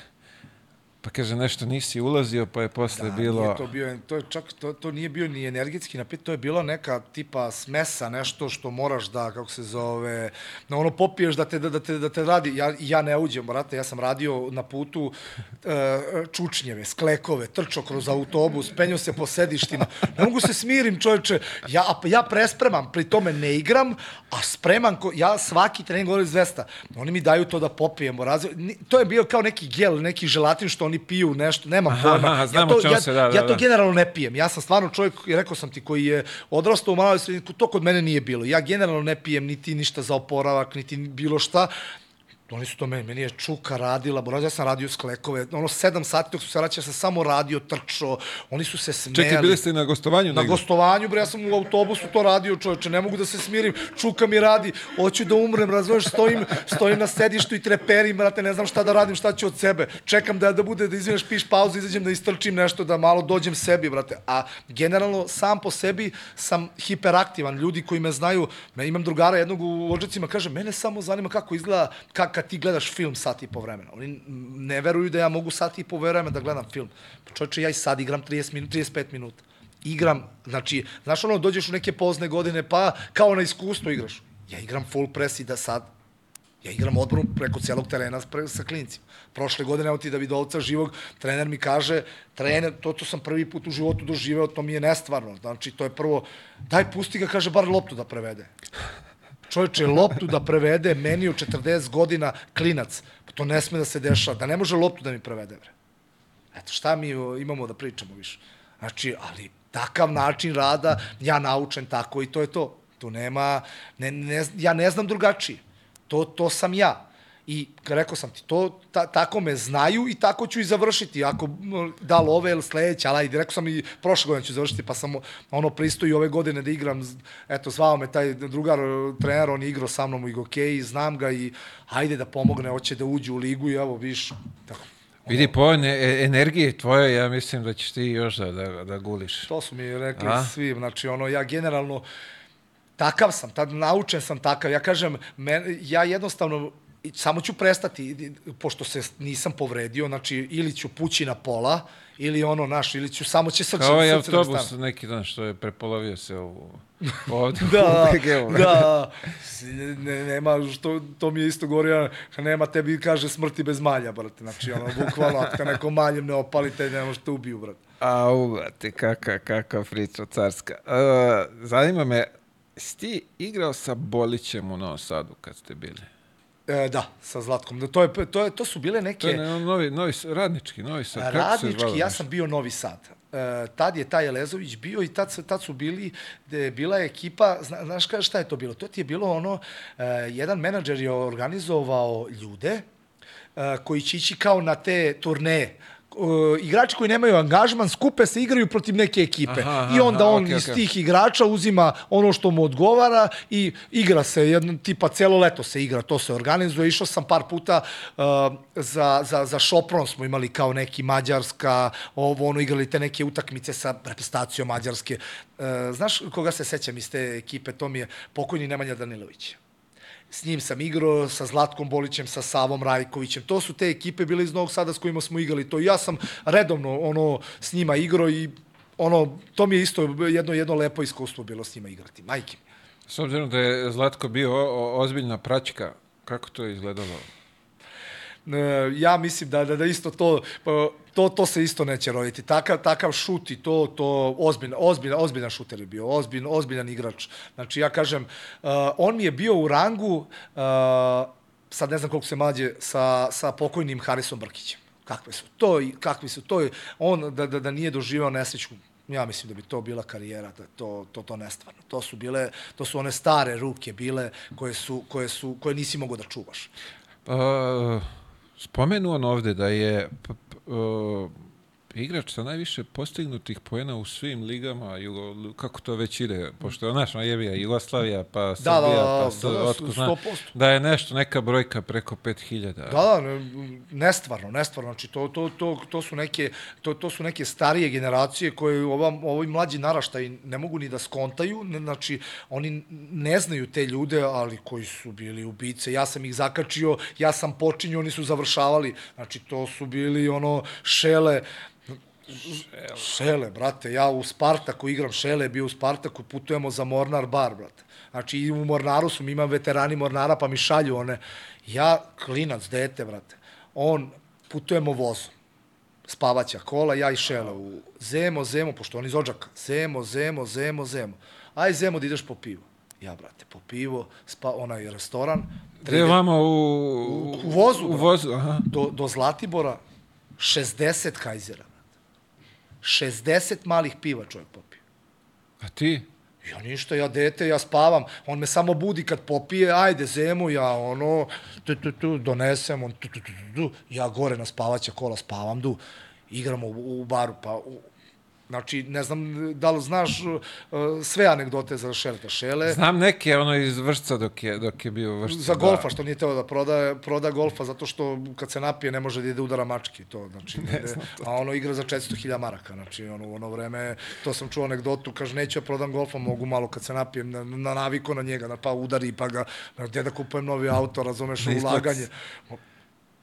U Spartaku, brate, naš ono, čo, to je jedan jedini. Svi bi nekada u nekom domenu da kao kopiraju šeleta. Šele, šele je jedan jedinstven. Znači, čovek popije dve litre rakije, 30 piva i dođe ujutru i trči kao da ništa nije bilo. Znači, ništa. Ovo ti je dokumentovano. Ja kao njegov zema gledam, on to radi, ja ujutru ne mogu da potrčim jer nisam ništa pio, samo sam, nisam spavao jer sam ga vozio, a on trči kao navijan. Znači, dve litre rakije i 40 piva. E bre, šta je stara generacija, vidiš ti. Što bi rekli, u moje vreme kako je bilo. On, zna, znali, to, to je bila sta, stara priča, pošto sam ja iz Odžaka, oni su iz Odžaka i imaju isto društvo. Znači, ja imam, ono, znam, i, oni drže taj, taj njegov druga, druga drži kafanu. Kažu, sad to su one priče, gradske priče, šele, žare i otac njihov pokojni, u bilo koju kafanu da ih staviš, samo da ne do, do, do, donosiš piće. Sve popiju, sa žestinom izađu na dve noge. Be, ne pijani, ne izađu uopšte pijani. Sve, pazi, žestina, pivo, sve što ima popiju, dva, tri dana i to je to, izađu trezni. Neverovatno. I onda bi svi da budu, pri tome, svi znamo kakav je igrač bio. Potpisivanje, prvi korak, šut, ne može da se brani. Čak ne, može, ne može da braniš čoveka. Bre. Ono, toliko, ono, kad, kad potpiše, ima, ima je foru, znaš, sa, sa desnom nogom potpiše kao dole i šutne, ma nemaš ima, nema, to, to ulazi 100%. Znači, to su te neke stare... Bio sam klinac, klinac sam bio u vršcu ka, kad je igrao za Hemofarm, tako da sećam se nekih ovih tih stvari tada, ovaj, mada on je bio i tad je ozbiljno ubica bio. Ma, Naravno, kažu svi... To je 2000, 2000, da, 2001. druga. Ja, ja samo znam priče, znam priču, ja, mislim, ja znam, s Mickom Pupovićem sam i dan danas, s Mickom, s Mickom Pupovićem sam i dan danas dobar, do, do, dobar i sve. Tad je Miličić kreto, znaš, i sam Da, da, da, kako da, je to da, to funkcionisalo tamo, sam, znači, bukvalno ono, nema, kažem ti, nema da nekoga nisam zahvatio i hokeji i šire, tako da sve anegdote i priče, pogotovo što sam ulazio u tom periodu kad su neki završavali ozbiljni igrači, tipa Ivica Vamrenski, e, u ono vreme je bio i Vladimir Đokić je bio bio u Spartaku, to su bre ozbiljne, ozbiljne glave. Ovamo je bio Miljan Pavković, imao si Ranka Čarapića na, na Lovćinu Cetinje, imao si um, kako se zvao onaj iz Mornara bara, playmaker crni. To je ozbiljan, Đurić, Srđan Đurić. Ja Srđan Đurić. E, bio je neki, znači, ne mogu, znaš šta? Znam na koga misliš, ali viš, ne, ne mogu se setiti, E, da. On mi je slao sad neku prepisku. Playmakera igrao, da, tako, da, da, ozbiljan bio- igrač da, bio. da, znači, to, da. su, to neka, neka stara, stara generacija, ozbiljna. I na Lovćinu, što ne možeš da izađeš, što znao si kad igraš na Lovćinu od Cetinju, ne možeš da izađeš iz kale, bro. Si lud, bio Ono- sam par puta gostovao, svako je bilo... Znači, ono... Neprijatno. Ne, bukvalno neprijatno. Jer ja sam bio, ja sam bio u Teodu, doveo me Savo Đikanović i Kadija mi je bio trener. Znaš li Mio Kadija? Kako da ne? E, Kadija mi je bio trener i Savo. Tad sam ono upoznao, imao sam priliku i kažem ja i kažem čast da upoznam Vladu Šćepanovića, pošto Vlado Šćepanović i Savo su kumovi. Tako je. To je njihovo, na, on, njihova interna ta zajebancija, što ja kažem, je katastrofa kako psuju majku jedan drugome po imenu, sve. Ja kažem, jednom par, u par navrata otišao sam, ovde odemo do, do, do Save u, u Podgoricu i spavam kod Save on, i izađemo u grad. Ja, on i Vlado Šćepanović, brate moji. E, izlazak, ako si muško, sa Vladom Šćepanovićem u grad se ne isplati nikako. Ne postoji žena, devojka, devojčica koja ne gleda Vladu Šćepanović kad izađe. Dobro, on je bio... Ja to ne mogu da verujem, brate. Ja sam igrao sa raznim šmekerima košarkaškim, tipa, Vla, znaš da je Slavko Stepanović, ono, čovek koga, ono, ali ovo, on je tamo, ono, ono Podgorici sinonim, brate, za košarku, brate. Uđeš unutra, ono, brate, svi ovako gledaju njega, ono, žene, kažu, sad sam izašao s tobom, više ne, brate, šta ja da radim, brate? Bilo ti neprijatno. No, neprijatno mi, majke, mi mora ja i Savo pijemo, pijemo, svi gledaju njega, brate. Majde, bre, ono, tad i više nikad, brate. Majke mi mora tad i više nikad, pusti To to. je prilika, bre, da te spaze, da te vide, brate. Ali Ha? ne, Da, ne, ne, ne znam, vi ne znate Ivana Kuburovića, to mi isto, u- ja sam, bio sam u Izraelu tri meseca, znaš. Igrao sam u Izraelu u Aškelonu tri meseca. I tad sam bio isto sa čuvenim, Užičani ga znaju, znaće ga i Otaš, znaće, mislim da je on Otašov kum, nemoj da me držiš za reč, ali mislim da je Otašov kum. Znate, čovjek ne spava i ne jede.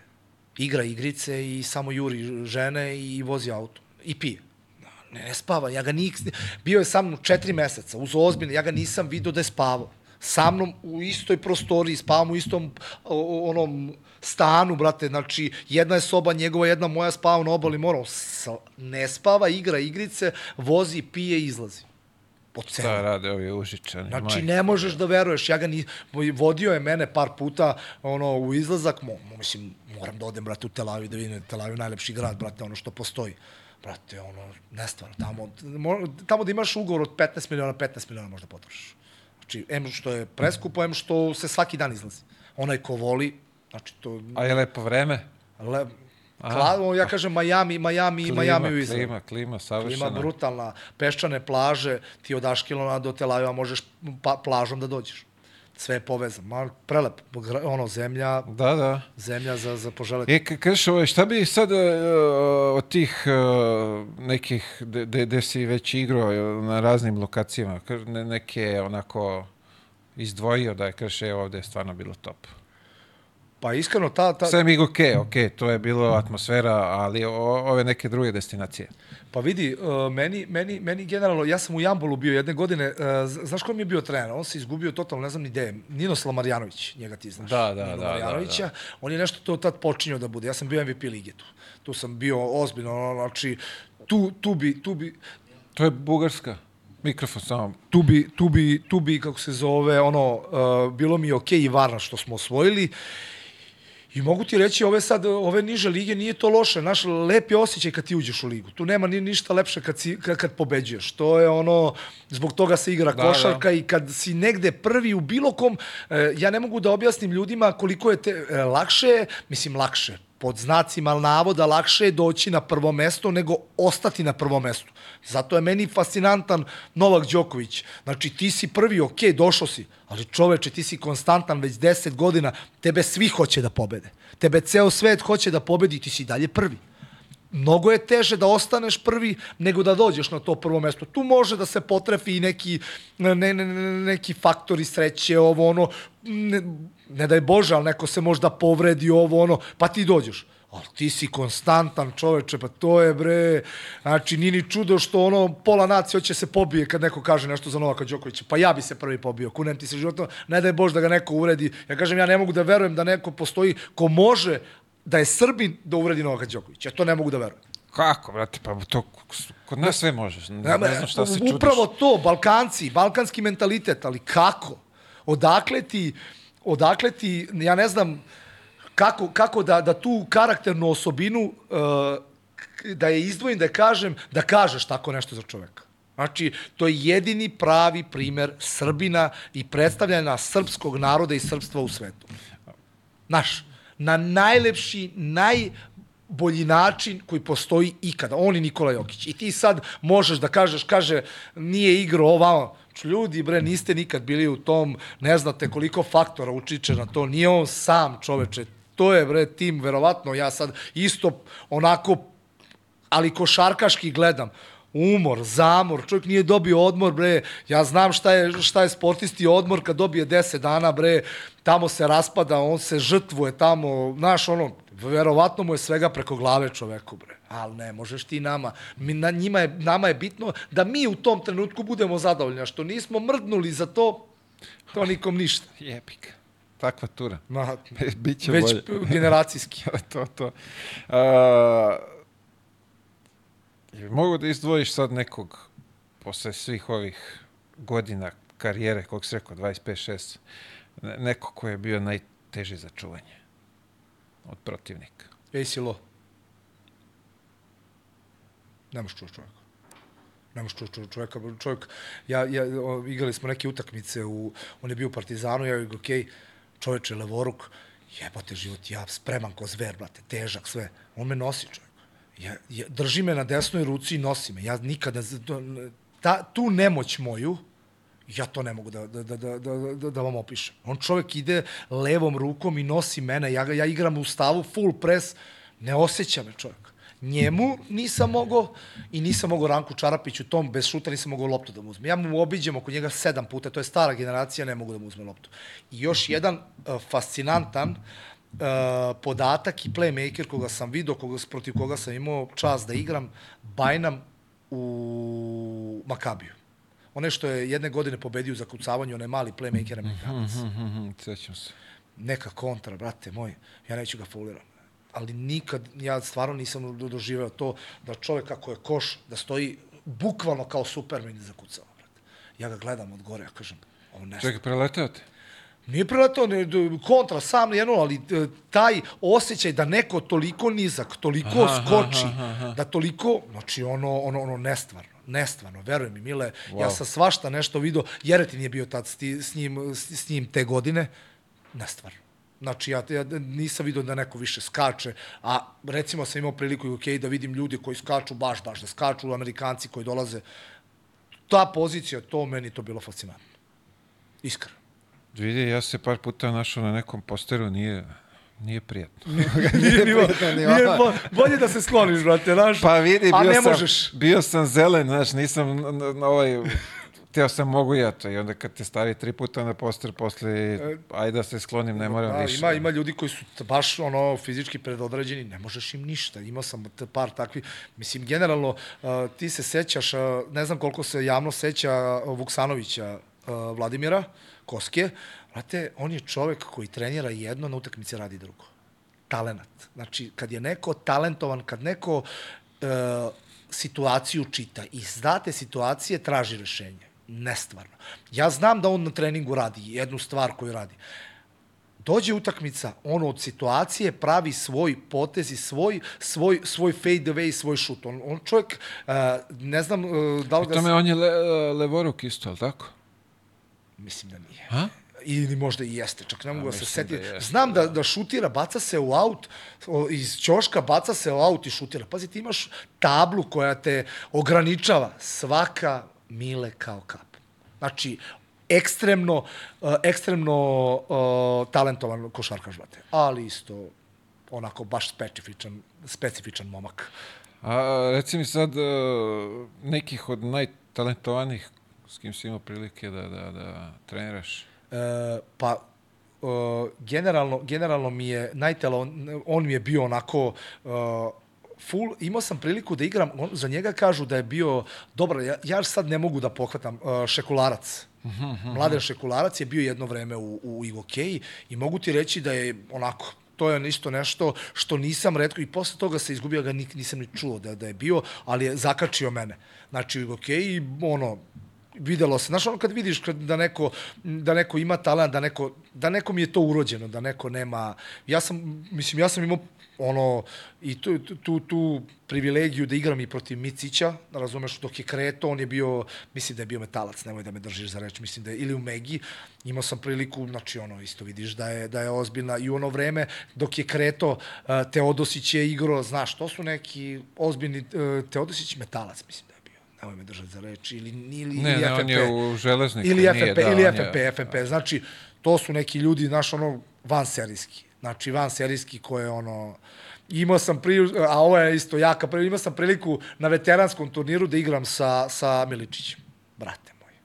Neš, ne može čovjek da istrči, jedan, jer, ali igramo veteranski turnir, gde smo igrali? U Beogradu. Uh, veteranski turnir Zadar igraju Štemberger, Mimica, Kaštropil, uh, Bruno Šundov, znači NBA, ABA liga, veteranski plaćeni. I mi, a došli igramo za ovaj, igramo ja, Šuput, Peđa, Miličić i neki normalni igra Vukoje Muhadinović, ako znaš Vukoje Vukoje Muhadinović vlasnik uh, igrao je sa mnom dok sam kreto isto u Spartaku, vlasnik Topole, one neoplanta industrije. Aha, aha. I igramo mi, skupili se. I ovaj se naljuti šurde nešto, o, na, naruči se Miličić nešto i kao daj mi da, brate moj, dribling, okreće se, ovaj ga, Kaštopil ga čuo, on isto mrcina Da, ima i njega. brate moj, ukucava čoveka, znači ja ne znam da li je igrao tri puta, pre toga pet godina, ukucava čoveka, lomi kaštropila, konstrukciju, sve, ostavlja loptu i ne može da se vrati u odbranu. Naravno, to je sve što je mogo, ali je toliko bio izrevoltiran, iznerviran da ga, znaš kad ne možeš da veruješ da neko takav postoji, brate. Znači vidiš da je on talentovan i to je to. Dribling, ukucava, spušta loptu i to je to. Neverovatno. Da, da, njega isto bilo, i samo nemoj da ga ljutiš. Da, da, Kad da. ga naljutiš, onda tek pokažeš Da, da, može. imao sam, pa, ali ovako je okej, okay, znači sedeo sam skroz, skroz, skroz kore, korektno. Apsolutno. Uh, ti si bre učestvovao i na ovim Trix 3 o- ovim turnirima Da, ja sam i, tu si se i tu si se oprobao. Kako to izgleda? Pa, totalno drugi sport, znaš, totalno drugi sport i uh, totalno druga grupa mišića. Mnogo je, mnogo je naporno. Ja sam par puta bio sa Strahinjom i sa, dobar sam i sa Strahinjom Stojačićem i sa, sa, sa ovim um, Dekijem i sa njima bio sam par puta kao na sparingu ovo. Mogu da ti kažem, vrate, ozbiljno, ozbiljno, ozbiljno težak sport. Znači, uh, pazi, u konstantnom si pokretu, nema odmora, zato su im i toliko česte izmene dobar sport, dobar, da sam ranije počeo da se bavim, možda bi bio možda podobniji za taj sport. Zato što sam fizički tako predodređen, mogu da igram odbranu naša, to se njima traži. E, Pogod, po, pogađaš za tri poena i to je to, ali je zahtevan, izuzetno zahtevan. Izuzetno, izuzetno, onaj ko nije, mislim da e, normalan košarkaš ne može da se privikne na e, gruboću tog sporta, zato što je pod čestim kontaktom i izuzetno je zahtevan i naporan. Baš izuzetno. Pa vidi, o, o, kad gledaš, čupaju oni lepo, još je to bilo i gore. ritam, znaš, Da, da, to je bilo i- još gore. Ono, gledaš, gledaš na, na, kao 10 minuta, daj 10 minuta. 10 minuta, da, majstore, ali 12 sekundi napad gde, ti, gde on može da igra odbranu čim ti dobiješ loptu. I on te sve vreme presira da ti izađeš toga, ti za 12 sekundi pod presijom moraš da izađeš van 6.75, da organizuješ napad i da daš koš. I tako 10 minuta. U, znači ritmu nemogućem, gde su svi spremni, tamo nema ekipa da ti možda se odmoriš. Ne, oni su svi isti, svi su predodređeni za to i svi treniraju za to. Tako da, a ritam ubitačan, svake nedelje je drugi turnir. Da, da, da, da, da. Znaš, nije, nema, ne, nema odmora, nego svaki je, i pri tome, naj, naj, najgori detalj, tog sporta po meni za, za košarkaša je stalno hlađenje. Ti kad igraš ove uh, niže razredne turnire, mislim niže, niže rangirane turnire, uh, ti odigraš jedan turnir i onda čekaš dva sata, oladiš se pa igraš sledeći basket. Pa se onda e, sat vremena sediš na mes, u mestu, znači piješ kafe, pa opet se zagrevaš, igraš treći i tako pet basketa ceo dan na 40 stepeni. Pa samo zamisli koji je to atak na organizam, šok za tvoje telo kad se ti stalno hladiš, zagrevaš, hladiš, zatre, pri tome imaš napore da te neko stalno tuče, udara, vrši presiju na tobom. Znači, to je meni ono fascinantno. Svaka im čast i to oni prave dobre rezultate sad što si Ne dobro, nego vrhunski. Mi smo najbolji, majstor, pa da. smo najbolji. Ono. Pri tome, a, ako ja dobro pratim, ovi naši sad dominiraju poslednje ne znam koliko godina. Od prvi deset su sve naši Pa ovaj, oni su igrači. i osnovali to. Znači, svaka čast čoveku, tom Bulutu, on je čovek krenuo od nule. Isto znam priču za njega da nije, isto je bio sporavan vamo tamo, našao svoj pravac, to je taj basket, napravio od sebe brend. Ja kažem, možete da ga volite i ne volite, ali morate da poštujete ono što je uradio. Da, da. Svaki sportista kada napravi od sebe i od nekog, on je od sporta napravio da sport je uveden nakon izvesnog vremena u olimpijski sport. Ti vrlo dobro znaš kakva, kakvo, šta se dobija time kad je neko, ne neko olimpijski, kad je olimpijski. Dobijaš od države ono penziju gde ti sebe posle izvesnog vremena možeš da nagradiš tako da živiš ceo život normalno. Znači imaš neka primanja od strane države jer si za državu uradio neku dobru stvar. A on je uh, začetnik svega toga. Znači, svako poštovanje za, za takvog čoveka. Naravno, na- nasledili su ga taj Strahinja, taj Deki, znači to su, oni su na u prethodnih deset godina svi u prvih deset. Ti sad imaš iz, iz Zuba, ja pratim to koliko toliko Strahinja, Deki i, i, i onaj, uh, kako se zove, onaj momak što je došao novi, taj je mnogo dobar, on je bio kod Marka Dimitrijevića u Slogi. Ba, Uh, Barać. Bar, Jel, Branko, ima Branković, ali tako? Branković, da, on je s njima već dugo, ali ima ovaj zadnji što je došao Barać. jaki, Barać. Znači, svako poštovanje, ono šta, šta momak radi. Znam da je, ja sam nešto, neki momak je trebao iz Džokera dođe kod Marka na probu ABA 2 ligu, kaže imam veliki problem, otišao mi Barać kao igrač ozbiljan za ABA 2 ligu. Ne, dečko je sebe pronašao u tome. Da, da, baš je i Marko se. je da, pričao ovde da je... Ma, ozbiljno, ozbiljan igrač. Kad ti pogledaš, ko, ovaj, baš je Marko rekao, ti si u nekim godinama ostvaren, ovo ti KLS ti više ne znači, nemaš Da, da. razloga da se dokazuješ, ovamo imaš priliku da se naplatiš lepo, zašto bi se I ovaj, to ozbiljno da se uopšte... naplatiš. Pazi, to je postalo plaćeno. Znači, ne, uh, suludo je sad igrati, mislim, kako sad ja da to objasnim, neki ne mogu da, da, da igraju taj sport, ali suludo igrati uh, mile košarku, KLS, kad ti možeš od ovoga ozbiljne pare da uzmeš. Ljudi idu u Kinu, Japan, uzimaju 2-3 hiljade eura, to ne možeš u KLS da uzmeš te pare, razumeš? Da, da. I naplaćuju se lepo od toga. Znači, to, čim, čim je uveden kao olimpijski sport, automatski je počeo da bude i profitabilan. Jasno, jasno, jasno. Dobro to guraju, želimo im svu sreću. I ja isto, naravno, svakom ovaj- sportisti. I što manje povreda. Ako Tako mo- je, sad e, s, olimpijske igre, je li tako? Oni sad se da, da, kvalifikovali da, sad, da, da, da, oni su ono, ono, nestvarni. Ono. Ne, ni na jednom, mislim da, da z, z, prethodnih ne znam koliko prvenstava, možda su samo jednom nisu bili prvi.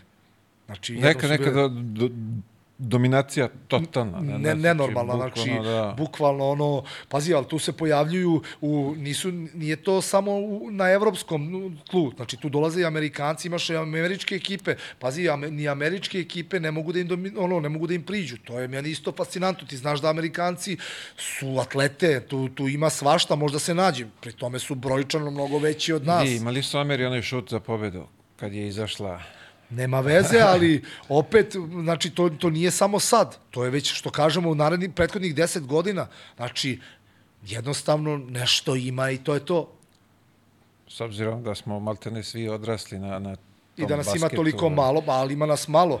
Znači, oni na, na mnogo većem broju uzoraka traže tu trojicu, četvoricu, mi na, na, na mnogo manjem uzorku imamo takve basketaše, znaš? Znači, oni ne mogu da nađu od, ne znam koliko ih je tamo, ne mogu da nađu četvoricu, mi nađemo četvoricu koji ne može da, da, da, da pobedi niko deset godina. Nebeski narod. No, bukvalno, bukvalno. Nebeski narod, brate, Da, to da, je to. ovaj, a, kakav ti je plan, ovaj, što bi se reklo, posle karijere? Ali imaš ideju šta ćeš radiš, kako ćeš, kako će to da izgleda? Pa vidi ovako, imam ja tu završio sam fakultet, imam ekonomski fakultet, to sam, na, na, mislim, teško je, jako je teško uh, i sam si toga svestan i znaš, preći iz ove uh, neke rutine u neku svakodnevnicu. Zbog toga ti pitam. Uh, jako, jako teško se ljudi pronalaze u nečemu. Što kaže moj kum Dozet, mi smo vojnici, mi smo naučeni, kažeš nam radi to, mi to radimo, mi smo za to plaćeni i mi samo to radimo. E sad dolaziš u susret sa uh, nekim novim svetom. Znaš, sportski svet je, ja, po meni, to su ljudi koji ono, kvalitetni ljudi. Ja ih volim, imamo tu i nesuglasica i razmirica i sve, ali je to mnogo manje nego u ovom surovom, što ja kažem, svetu svakodnevnice. Tako da, ono, počeo sam, ođaci su me tu počeo sam da radim tu školu košarke, ajde da probam to da radim, da vidim kako ću, šta ću, kako će funkcionisati, da vidim da li mogu, i opet znaš da nije uh, igrački sistem isti kao trenerski, tu i tu postoje određene psihologije, to da li možeš da uopšte se baviš tim ili ne možeš. Znači, to je opet uh, sve individualno od čoveka. Pa ćemo vidjeti, iskreno ti kažem, za sada ono sam u raskoraku, pronalazim se, ako uspem da se pronađem negde, vidjet ćemo kako, kako će funkcionisati. Ne mogu ništa određeno da ti kažem po tom pitanju. Šta bi izdvojio kao najteži moment u karijeri?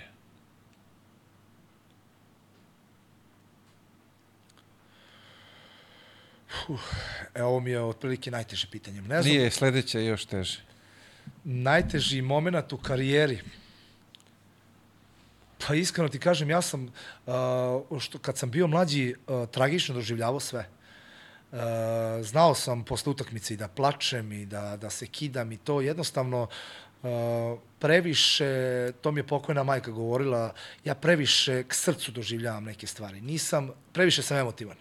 Emocije mnogo uh, utiču na mene i mnogo, mnogo uh, rade, rade, rade me na neki način koji može da bude i u neku ruku i pozitivan, a može da bude i negativan. Negativan po mene, pozitivan možda po ljude da shvate da jednostavno možda u nekom trenutku nisi u stanju nekoga da zezneš i da nekoga prevariš. Jer jednostavno sam takav, nekad sam bio i impulsivan, znao sam da reagujem, nikada nisam voleo licemerstvo i poltronstvo. Ono što ti mislim, to ti kažem i to je bila moja odlika i to mi je ono, ono drago što sam tu neku karijeru završio time da nisam, ja bar mislim, svesno nisam nikoga unesrećio, nisam nikom ostao dužan, nisam nikoga zezno i to je ono što po meni, ono obraz, to je jedino što po Da, meni da, ne da. možeš da kupiš parama, to je zdravlje i obraz, sve ostalo je kupljivo.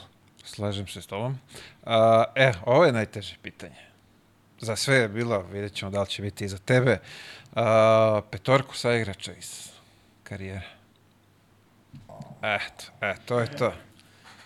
Uvijek najteže ostavljam za kraj.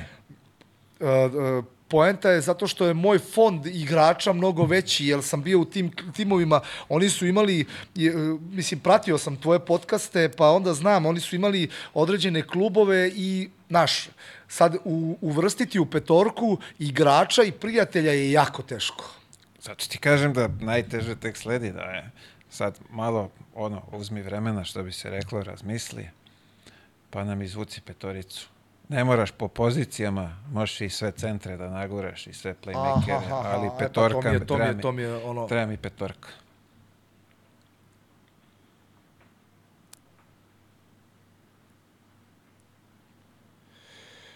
Pa centar igrački, igrački ću centra, uh, Korsli Edwards. A evo, izvini, domaće, nisam ti, da, daj mi A, samo ove naše, A, nemoj nam. e, onda, onda mi je. Ameri nek ostanu tamo nekom drugom folderu. Vladimir Vuksanović, Dozet, Milan Dozet, Joksimović, a, Joksimović, a, pomozi mi. Nebojša. Nebojša. uh, uh, To je tri. tri, Treba nam Keci dva ili u stvari nebitna je pozicija, da, ali još Štemberger Siniša Štemberger. i, i, i, i... Savo Đikanović. Savo Čikanović. Njega sam, ne, to mi je ono, to je, to je jedna takva ljudina, da, da vi to ne možete da verujete. Njega, njega baš onako, uh, redko se čujem s njim, redko se viđam s njim, ali toliko je jedan kvalitetan čovek da je to nestvarno. Ne, znači nestvarno, ne znam da li si imao priliku da boraviš s njim i to. Ovako isto impulsivan, zna da, da, da odreaguje, zna i da udari sve, ali van terena toliko jedna, jedna, jedna, jedna, jedna ljudina da je to nestvarno. Razumem te. U, mislim, imao sam prilike da upoznam čovjeka. Uh, I za kraj, savet za ovo mlade, mladi naraštaj, mlade igrače koji dolaze, šta bi ti sa svojim iskustvom njih posavetovao? Pa iskreno, posavetovao bih da se više osvrnu na rad i uh, da pokušaju da saznaju, pošto im je sad uh, dostupan i Google i sve, kakve su prednosti koje sport donosi. Uh, mnogo lepih stvari možete dobiti bavljenjem sporta. Postaćete izuzetno, izuzetno poštovani u celom svetu, da li je to svet biznismena, da li je to svet uh, običan sve, svet, radite ono što volite, za to ste adekvatno plaćeni i jednostavno možete da uživate, da upoznate nove kulture, da putujete, sve ono što normalni ljudi možda ne mogu da priušte sebi, možda ne mogu da uh, sebi urade, ali za to da bi došli do tog stadijuma da se bavite vrhunskim sportom, profesionalnim, morate puno da uložite rada, puno truda, da slušate nadređene, da slušate ljude koji su stručni i koji vam govore to iz najbolje moguće namere.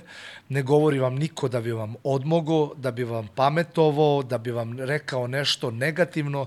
Govore vam da bi vam pomogli, da bi vas naučili nečemu i da bi od vas izvukli ono najbolje što oni u tom momentu misle da vi možete da postignete. Novi Big Hybrid Flex savršeno brije. I da, oštrice mogu da mu se zamene. To si sve savršeno rekao, ne bi ništa da, da dodajem. Uh, evo ovako, da ne kvarim šta si sve ovaj izneo sad. Imamo ovde uh, od Bika Hybrid Flex 5. Hvala. Poklon. Hvala. Ovaj, meni, meni je Bog uzao kosu jedno pre jedno 20 godina, ja sam ćosav, ali ću ga, ovo, ovih mojih pet dlaka što imam ću ga, Vidi, drago, uvijek ima nešto da se, da se, ovaj, da, da, da, se dotera, da. tako da... Drago ću ga, iskoristit ću ga i hvala vam. E, ovaj, a, vidi, neizmerno ti hvala za, za ovo. Koliko imamo? Imamo dva i po sata ili nemamo još? Blizu. Dva i po sata kvalitetnog razgovora. Ja sam uživao, većinu ovih, u stvari ne većinu, 90% anegdota nisam znao. Hvala ti za, stvarno sam od, oduševljen, ovaj, nadam se da ti je bilo prijatno, da nismo nešto mnogo maltretirali. Hvala ti što si me pozvao, mislim, generalno Uh, mnogo, mnogo, mnogo lepih stvari sam čuo od podcastu, zato sam i došao od ljudi koji su meni bitni i od ljudi koji su ono, baš onako, što kažeš ti, dobri ljudi. Čuo sam mnogo pohvala i veruj mi da mi je velika, velika čast što si me zvao da. Znači, izuzetno sam počastvovan, hvala ti na svemu, hvala ti na ovakvom gostoprinstvu i čast mi je što sam te upoznao.